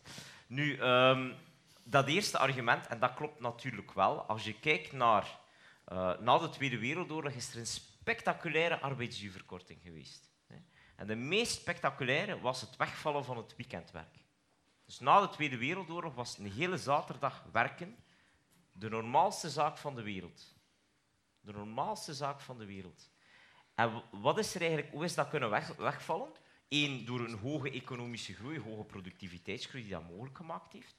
Maar ook door sociale actie, sociale strijd, met, met vakbonden in een, in een sleutelrol. Vooral van de christelijke vakbonden. Ja, vooral... Uh, zaterdag, allee, de, eigenlijk het werkvrij weekend is een, is een verdienste van het ACV. Hè. Die, die zijn begonnen met, met een uh, heel grote petitieactie in de jaren 50 eh, tegen zaterdagwerk. En die zijn op een bepaald moment overgeschakeld tot zaterdagstakingen. dat is echt gebeurd. Dus allee, ik kan me dat ook de, van de, de brave christelijke bond wat minder voorstellen. Maar ik denk dat dat klopt, dat heel die tendens zullen we, zal de vakbeweging ook in de richting van minder werken en kortere werkweken moeten kijken. En zal er ook moeten worden rond gemobiliseerd en uh, rond gesensibiliseerd. Dat is absoluut nodig. Oké, wacht hoor, waar staat? Ja, hier staat mijn uh, assistent. Ja. Uh, heb ik nu al veel, veel mannen even die vragen stellen? Ja, excuseer hoor. Voel u niet... Ja. Excuseer daarvoor. Voel u niet geviseerd. um, vraag je eigenlijk qua strijd. Welke link kan er eigenlijk gelegd worden tussen de strijd tegen de klimaatverandering en de strijd om tijd? En nou, wie is die? Wie voelt zich Wij hadden aanvankelijk, eh, toen we startten in 2014 of zo, probeerden wij die link te leggen ook. En dan had je zo het compositie-effect en zo. De idee dat door tijdgebrek je vaak uh, keuzes maakt in je leven, ook als consument en ook in je gezin of als consument, ehm, die eigenlijk eh, slecht zijn voor het, voor het klimaat. Bijvoorbeeld je snel willen verplaatsen door vliegtuigen te nemen of uh, verpakte maaltijden te nemen, omdat dat makkelijker is dan naar een biowinkel te gaan of naar een lokale keten of zo. En ik denk dat dat wel zo is, ehm, maar uiteindelijk hebben wij dat een beetje losgelaten, omdat dat niet onze expertise is. Dus ik zou dat wel interessant vinden. Moesten... Wij hebben ons echt gefocust op het genderverhaal en de link met arbeidsduurvermindering en een duurzame werkomgeving. Dus ik, ik vind dat wel echt een oproep, ook vanuit de, eh, vanuit de ecologische beweging, om uh, daar meer mee bezig te zijn. Want eigenlijk zijn er niet zo heel veel denkers op dit moment dat ik weet die uh, met arbeidsduurvermindering en klimaat die link leggen. Dus dat is eigenlijk een oproep. Golemans is daarmee bezig. Wat, ja. Er is wel um, altijd het argument dat um, uh, je minder verplaatsingen zou moeten proberen te realiseren. Dus als je die 30 uur doet, dan zou je ze niet zoals Olivier wil, uh, zes uur per dag moeten hebben, maar bijvoorbeeld juist. De vier dagen week. Uh, ja, drie daagse, in drie dagen proberen te doen bijvoorbeeld. Of meer telewerk, ja. Maar. drie dagen. Dus om te zorgen dat de verplaatsing ja. Ja. tot een, min, tot een ja. beperkt wordt. Hè? Maar ja, dat is de, de andere nu, ik, wil daar, ik wil nog iets aan toevoegen. Uh, het blijkt, ik ga iets in het debat gooien. E-commerce. Verschrikkelijke ecologische kost. Hè. Al die camionnetjes die, die, die rijden. is heel slecht georganiseerd in ons land. Wat, wat blijkt, zijn vooral twee verdieners met jonge kinderen die weinig tijd hebben die daar gebruik van maken. Hè. Dus misschien klopt dat compositie-effect van Riet wel. Hè. Als we die mensen wat meer tijd geven, dat we op die manier ook die, die ecologische slechte gewoonten eigenlijk wat gaan afleren. En dat we de kleine handelaar in de dorpskern gaan redden. Als die dan nog bestaat. Dames en heren, ik heb een punt van toenadering gevonden. Goed. Maar ja, je hebt ook wel echte economische denkers, zo welvaart zonder groei en zo. Dat is eigenlijk ook nog een ander verhaal. Dat, daarom is dat echt interessant dat er ecologisch denkers en economisch-ecologisch denkers daar uh, mee bezig zijn. Ja. Zo ziet u dat arbeidsduur een thema is waar alles bijeenkomt. Waren er nog vragen? En, wacht, oeh, er zijn er nog veel. Even kijken. Ik kijk in de richting van mijn opdrachtgever. Hebben we nog tijd? Ja, hij gaat naar u toe. Nog twee vragen, dames en heren. Een vraagje. Hoort u mij? Ja, ja Oei, sorry. een vraagje voor mevrouw Dijteren. Heel concreet, binnen de chemische nijverheid hebben we een aantal jaren geleden uh, vanuit de sector het demografiefonds opgericht. Om de sector de kans te geven om te experimenteren met werkbaar werk. Gesponsord, gesubsidieerd door de sector zelf, een stukje van de, van de loonkost. Zou dat ook geen idee kunnen zijn, en zou Unizo daar kunnen achterstaan, dat we ook hetzelfde zouden doen, hangt af van welke sector, hetzelfde zouden kunnen doen, uh, maar dan bijvoorbeeld om experimenten te kunnen aanbieden op het vlak van de kortere werkweek. En moet het een kortere werkweek zijn? Of mag het combinatie gezin-arbeid Absoluut, mag ja, het ruimer benoemd worden? Ja, ja. Hey, want maar toch specifiek, zou het toch specifiek gaan naar bijvoorbeeld de 30 uur week. Ik geef maar een voorbeeld. Er zijn twee vragen. Eén, moet er ruimte zijn voor experimenten? Ja, er moet ruimte zijn voor experimenten, maar die experimenten kunnen verschillende richtingen Maar hij bedoelt, zou het helpen als met een stukje van de loonkost een, een, een fonds opgericht wordt dat in een bepaalde sector gebruikt wordt om kortere werkweken of, en of andere vormen van ja, combinatie gezin-arbeid, het gemakkelijker maken, te, te financieren. Ja, we zijn moment... Een duwtje te geven aan de werkgevers. Ja, we zijn momenteel aan het onderhandelen, of nee, niet meer aan het onderhandelen, over een interprofessioneel akkoord. De vraag hoeveel dat de loonkost mag stijgen de komende jaren. Als de werknemers in de sector vragende partij zijn om een deel van die loonstijging uh, in een fonds te stoppen om daarmee zaken te financieren. Waarom niet? Maar dan moet men bereid zijn vanuit werknemerszijde om een deel van de bruto cash verhoging daarin te investeren. Uh, maar dat, dat, is, dat, zijn onderhandelingen die op sectorniveau moeten plaatsvinden. Maar in principe heb ik daar geen bezwaar tegen. Ik zou er wel een bezwaar tegen hebben, moest men zeggen, los van uh, of bovenop uh, loonstijgingen die onderhandeld worden, moet de werkgever een verplichte bijdrage gaan stoppen in een fonds. ik denk inderdaad niet dat wij daar voorstander van zouden zijn, maar dus, het is genuanceerd. Okay, als binnen de loonnorm past, kan zo'n fonds wel. Ja. Denk je dat uw werkgevers er zullen benutten? Um, chemie is nu, allee, er zijn niet veel KMO's in de chemie. Met, met zo'n fonds moet je altijd opletten, inderdaad, dat de, de ondernemingen die daar dan beroep op doen, dat, die, dat dat voldoende divers is en dat daar ook uh, niet, niet enkel de usual suspects aan bod komen die anders het sowieso gedaan zouden hebben. Maar daar kan, daar kan allemaal over gesproken worden. Maar de eerste vraag is, eh, is men bereid om cashverhoging daaraan te besteden vanuit werknemerszijde? Tot hiertoe hebben we daar nog niet zo vaak indicaties uh, voor gekregen, maar inderdaad, het fonds van de, van de chemie is daar een voorbeeld van. Dus eigenlijk zegt u, ze moeten het zelf betalen door, door, door onmiddellijke loonopslag af te staan. Maar wij hebben in België een systeem waarbij we om de twee jaar afspreken hoe, hoe sterk dat de loonkosten mogen stijgen. Dat is een systeem dat we hebben om ervoor te zorgen dat onze economie gezond blijft. Uh, en ja, wij willen dat systeem echt wel behouden. Dus alles moet voor ons daarin passen. Anders gaan we economische ongelukken creëren en die zijn in niemand, uh, in niemand zijn voordeel. Oké. Okay. Uh, eh, de meneer die... Er was nog een... Ja. Goedenavond. Uh, ik zou graag... Uh, ik weet niet of iemand heeft gesproken over levenskwaliteit. Ja. Uh, bijvoorbeeld onze Nederlandse buren, ze werken zondags en namiddag. Dus als je deeltijds werken en hoe moet dat de levenskwaliteit verbeteren? Bijvoorbeeld, je zegt dat 30 uur werken. Dat zal de levenskwaliteit verbeterd worden met je nieuwe systemen? Of uh, wat denk je kritisch? Uh, uh, onze Nederlands, ik kan zeggen, mevrouw Monique, denk je dat in Nederland de levenskwaliteit is beter dan België? ja. En linkt, linkt u dat aan um, flexibeler werken, zoals zondagswerk en meer zondagswerk en meer onregelmatig werk, veronderstel ik? Ja? Inderdaad. Uh, is de tegenhanger, mag ik, begrijp ik het juist? Vraagt u naar, is de tegenhanger van minder werk, 30 uur bijvoorbeeld, ja, niet, is er geen gevaar dat dat automatisch onregelmatige werk is en nachtwerk en zondagswerk? Is dat uw vraag? En dat dat ten koste gaat van de levenskwaliteit? En inclusief in Nederland of in Duitsland, ze werken in sommige winkels tot 9 uur s avonds.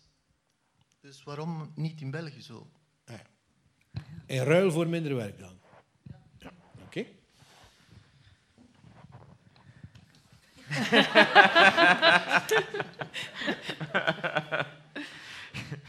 Daar gaan we toch nog raakpunten hebben, hè? Ja. Nee? Maar als, als u niet zo wil spreken over een 30 uur week als uh, tegendeel, uh, wie weet. Denkt u dat uw vakbond bereid is om uw 30 uur week te realiseren in ruil voor wat meer flexibiliteit? Ik, ik uh, spreek er niet namens mijn vakbond, he, voor alle eerlijkheid. Nee, maar... Nu, de, de, de vraag is natuurlijk dat als je kijkt naar de geschiedenis en je kijkt bijvoorbeeld in Nederland, dat heel veel van die flexibiliteit er gekomen is via deeltijdse contracten met loonverlies. Dus met andere woorden, dat er wel een, een, een groeiende flexibiliteit is gekomen, zeker in de handel, waar men heel hard speelt met uurroosters. En dat eigenlijk de, er een, geen ruil gebeurd is. want de werknemers hebben gewoon minder uren en minder loon. Je zou kunnen nadenken over een model waarbij dat je zegt van oké, je gaat die uren wat flexibeler, je woensdag middagverhaal van daar pas. En als ruil daarvoor... Of uw Fins model, zes uur. Of uw Fins model. En in ruil daarvoor krijg je een stevige arbeidsuurverkorting met loonbehoud. Ik vind dat daarover moet gediscussieerd worden. De vraag is alleen, waar leg je natuurlijk de maatschappelijke grens? Hè? Uh, stelt dat dan ook voor zondagsopeningen bijvoorbeeld? Um, ik denk dat, we, dat dat een debat waard is. Um, maar uh, we moeten wel opletten, en ik heb dan specifiek over zondagswerk. Hè. Zondagswerk is nog een, een beetje een verplichte heilige rustdag. We moeten opletten dat we niet in bepaalde sectoren zondagswerk gaan normaliseren en dat op den duur iedereen de zondag begint te werken. Want als er een winkel open is, moet die bevoorraad worden. En als die bevoorraad moet worden, dan moet iemand anders dat verpakken en zo verder. En dan vraag ik me wel af of we er als maatschappij op vooruit gaan. Dus de vraag, het antwoord is ja, misschien. Maar ik denk specifiek met betrekking tot zondagswerk zou ik eerder de deur sluiten. Uh, ja, op en er is een punt van toenadering met Unizo. Die zijn ook tegen de zondagsopeningen dan wel. Ja. Maar goed, uw reactie nog even daarop? Ja, ja kort. Eh, tegen is misschien uh, een groot woord, maar we zijn niet echt vragende partij voor veel ruimere openingsuren dan vandaag. Omdat het van, bestaat vandaag eigenlijk al uh, op veel plaatsen, maar er wordt geen gebruik van gemaakt, omdat het niet rendabel is uh, voor de winkelier. Uh, en eigenlijk ja, vooral zorgt voor meer kosten, maar het is niet omdat je langer open bent dat de mensen ook meer gaan kopen in het algemeen. Oké. Ja, ik wil eindigen met een vrouw. Dat vind ik eigenlijk wel een goeie. Ja. Ik ga hier eens de boel naar mijn hand zetten. Als laatste denk ik uh, dat, dat het probleem van die lange of grote openingstijden opgelost zou zijn, moest iedereen minder werken, want dan, dan heb je het niet nodig om naar de winkel te gaan zondag. En wat ik heel raar vind in dit debat, is dat het fenomeen werk niet eens in vraag wordt gesteld. Want jullie, jullie behoren tot een geprivilegeerde elite die zeggen van ik werk heel graag, maar ik kan u verzekeren dat ik ben een persoon die durft zeggen I am not my work. Ik ben mijn werk niet. En het gros van, van de aardbevolking werkt gewoon om te overleven. Dus we zijn... Allez, ik vind het heel raar dat werk is een vanzelfsprekendheid en ik denk dat, dat het daar al uh, ja, de, mist in gaat, of hoe zeg je het? Uh, dus ja, ik ben even mijn draad kwijt, sorry. Dat het niet zo evident is dat iedereen zo graag werkt. En in die zin is arbeidsduurvermindering voor u een verlossing van, ik kan niet zeggen het kwaad, maar toch niet het leuke. Ja, en ook, ik, ik, snap ook dat bijvoorbeeld als argumentatie uh, heb je ook een nood aan uh, zorguren en zo. Maar als mens, wij zijn, wij zijn ook creators, wij, wij zijn sociale wezens. Dus ik zou ook wel graag minder willen werken om ook eens een tijd, tijd te hebben om al mijn ongelezen boeken te, te, beginnen te lezen. Dus, en dat is niet eens een justifieerbaar argument van, oh, want ik heb ook een zieke moeder waar ik ook voor zorg. Maar de vraag is natuurlijk of dat met loonbehoud moet. Ja, met loonbehoud. Maar uh, allee, het debat leeft al lang. Rutger Bregman heeft er ook al een boek over geschreven. En ik denk ook dat... Nu zijn we er nog over aan het praten van... Kan het, moet, is het mogelijk? Maar ik denk dat het ooit zal moeten. Maar met de automatisering die nu in, in, in versnelling aan het gaan is... en met AI, artificiële intelligentie... Dat, dat komt op. En ik denk dat, dat heel ons werkomgeving werk, uh, binnen dit en tien of twintig jaar al er heel anders zal uitzien. Dus, Oké, ja. ik tracht samen te vatten. U hebt, denk ik, twee dingen gezegd mijn excuses als ik u verkeerd begrijp, van één, werken is niet altijd zo interessant en dat kan ook een motief zijn om aan arbeidsvermindering hè, te doen. En twee, het zal eigenlijk wel nodig zijn, want de, heel vaak gezegd, de digitalisering zal nog meer banen doen verdwijnen, waardoor we wat de rest aan arbeid zullen moeten herverdelen via een kortere werkweek.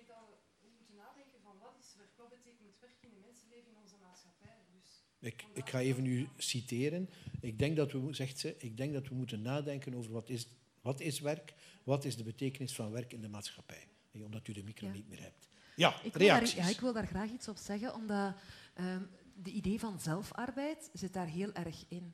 Um, en ik denk dat je echt gelijk hebt van um, de betaalde arbeid wordt altijd op een troon of een sokkel gezet. En het klinkt heel goed om te zeggen, ja, mijn werk is mijn passie. En jullie, dat werd daarnet ook gesuggereerd uh, van als je minder wil werken, wil dat zeggen, maar werk kan ook leuk zijn en werk is niet vies en zo.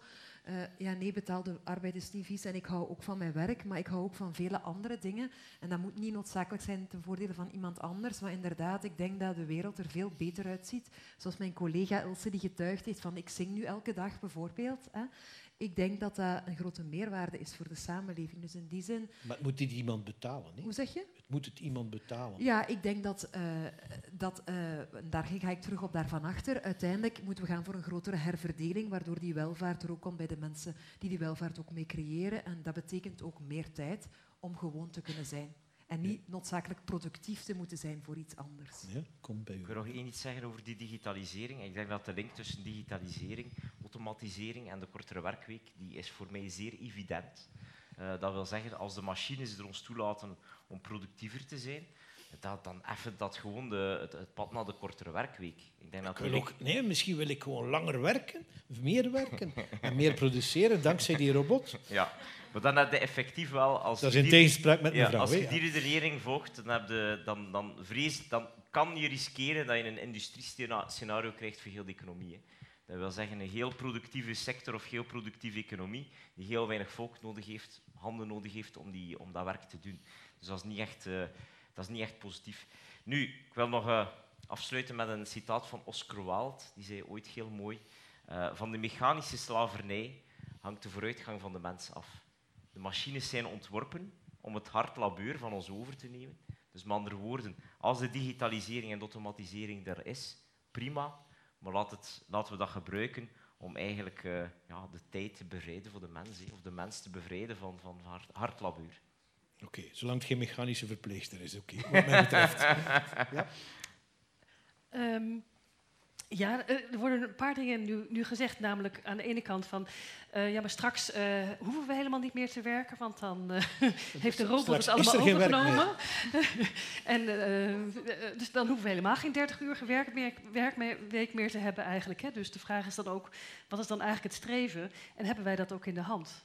Dat is een, denk ik, een hele belangrijke Daar kwestie. Daar hebt u ook mee over gepubliceerd. De, ja, um, Um, waar ik werk, de Wetenschappelijke Raad voor het Regeringsbeleid, heeft een uh, langdurig uh, project over de toekomst van werk. We hebben daar ook een publicatie gemaakt, die heet De Robot de Baas.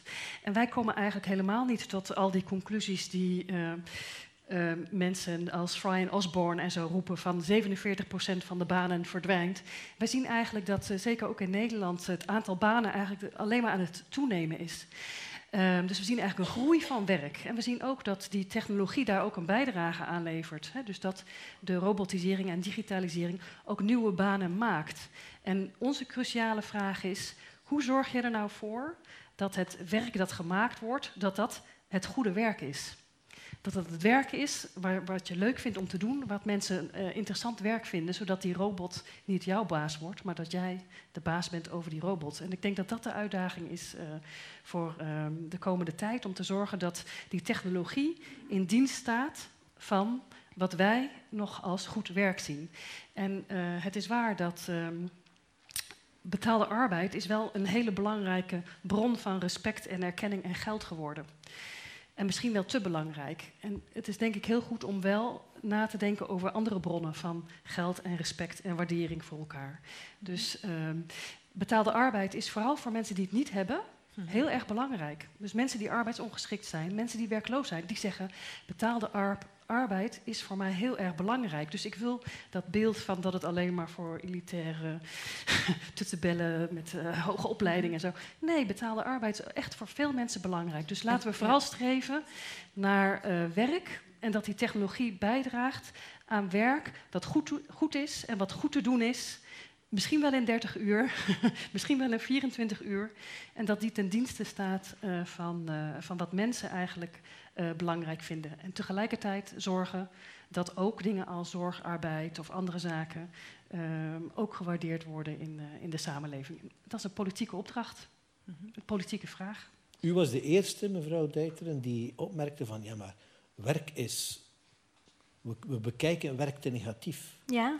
Mevrouw deed dat, dat, eigenlijk ook een beetje. Ja, ik, ik was eigenlijk bijna geraakt door wat dat u zei. Omdat ik, ik, ik vind het eigenlijk ik vind het echt heel erg dat we...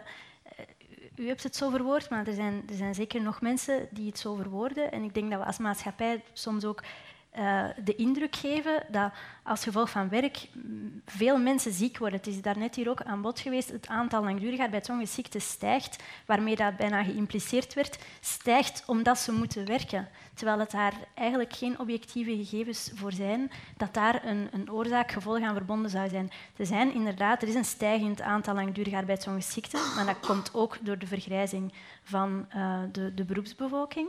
Uh, daar zit uh, een groot stuk uh, bij de psychosociale ziekten, maar dat betekent niet dat het gaat om burn-out. Ik denk of dat we algemeen, algemeen, leven in een maatschappij die meer en meer complex is en waarbij dat mensen geconfronteerd worden met psychische problemen. Maar vandaar zeggen van dat is omdat ze werken.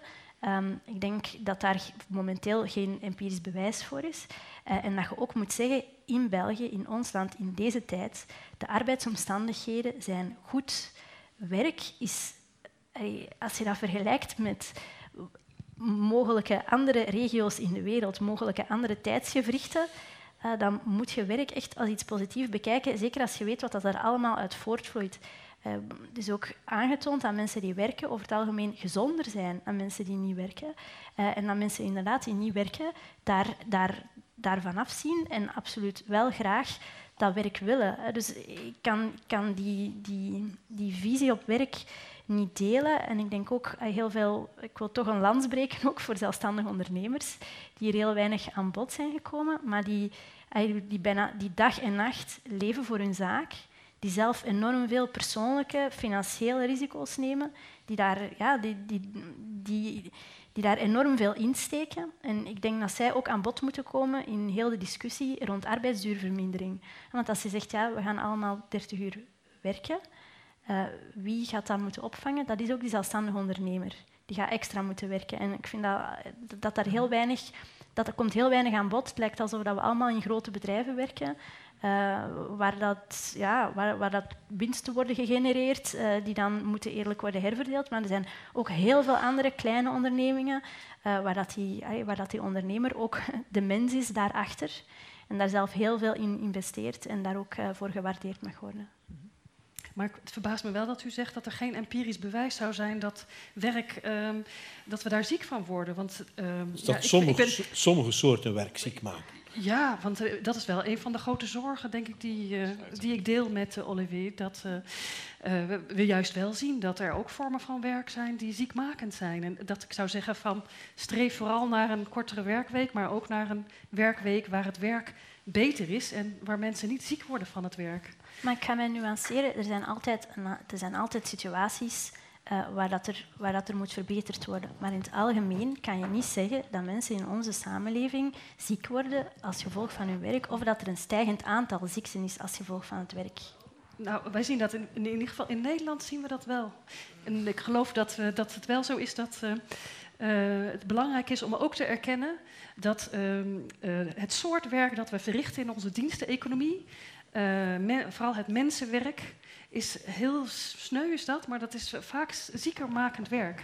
En we zien dat de kwaliteit van de arbeid echt iets is dat op de agenda moet staan. Um, uh, dus um, vandaar dat ik ook uh, denk dat de analyses van Olivier heel goed zijn, maar dat sommige elementen nog wel wat meer nadruk mogen hebben. Namelijk zorgen ervoor dat we niet ziek worden van het soort werk dat we verrichten, zodat we ook het werk inderdaad ook in 30 uur willen en kunnen doen. Hè? Want, ik zie hier een nieuw thema. Ik ging mijn panel bedanken. Zeer gedreven, prima. Ook de zaal, dank u wel voor uw aandacht, volgehouden aandacht.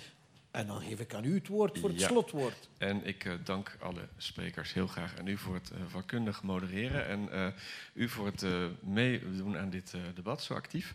En ik zou u allen graag willen uitnodigen om nog wat na te praten bij een drankje en uiteraard een boek hier achter in de zaal te kopen bij boekhandel Passaporta die de boeken daar heeft. Dank nogmaals.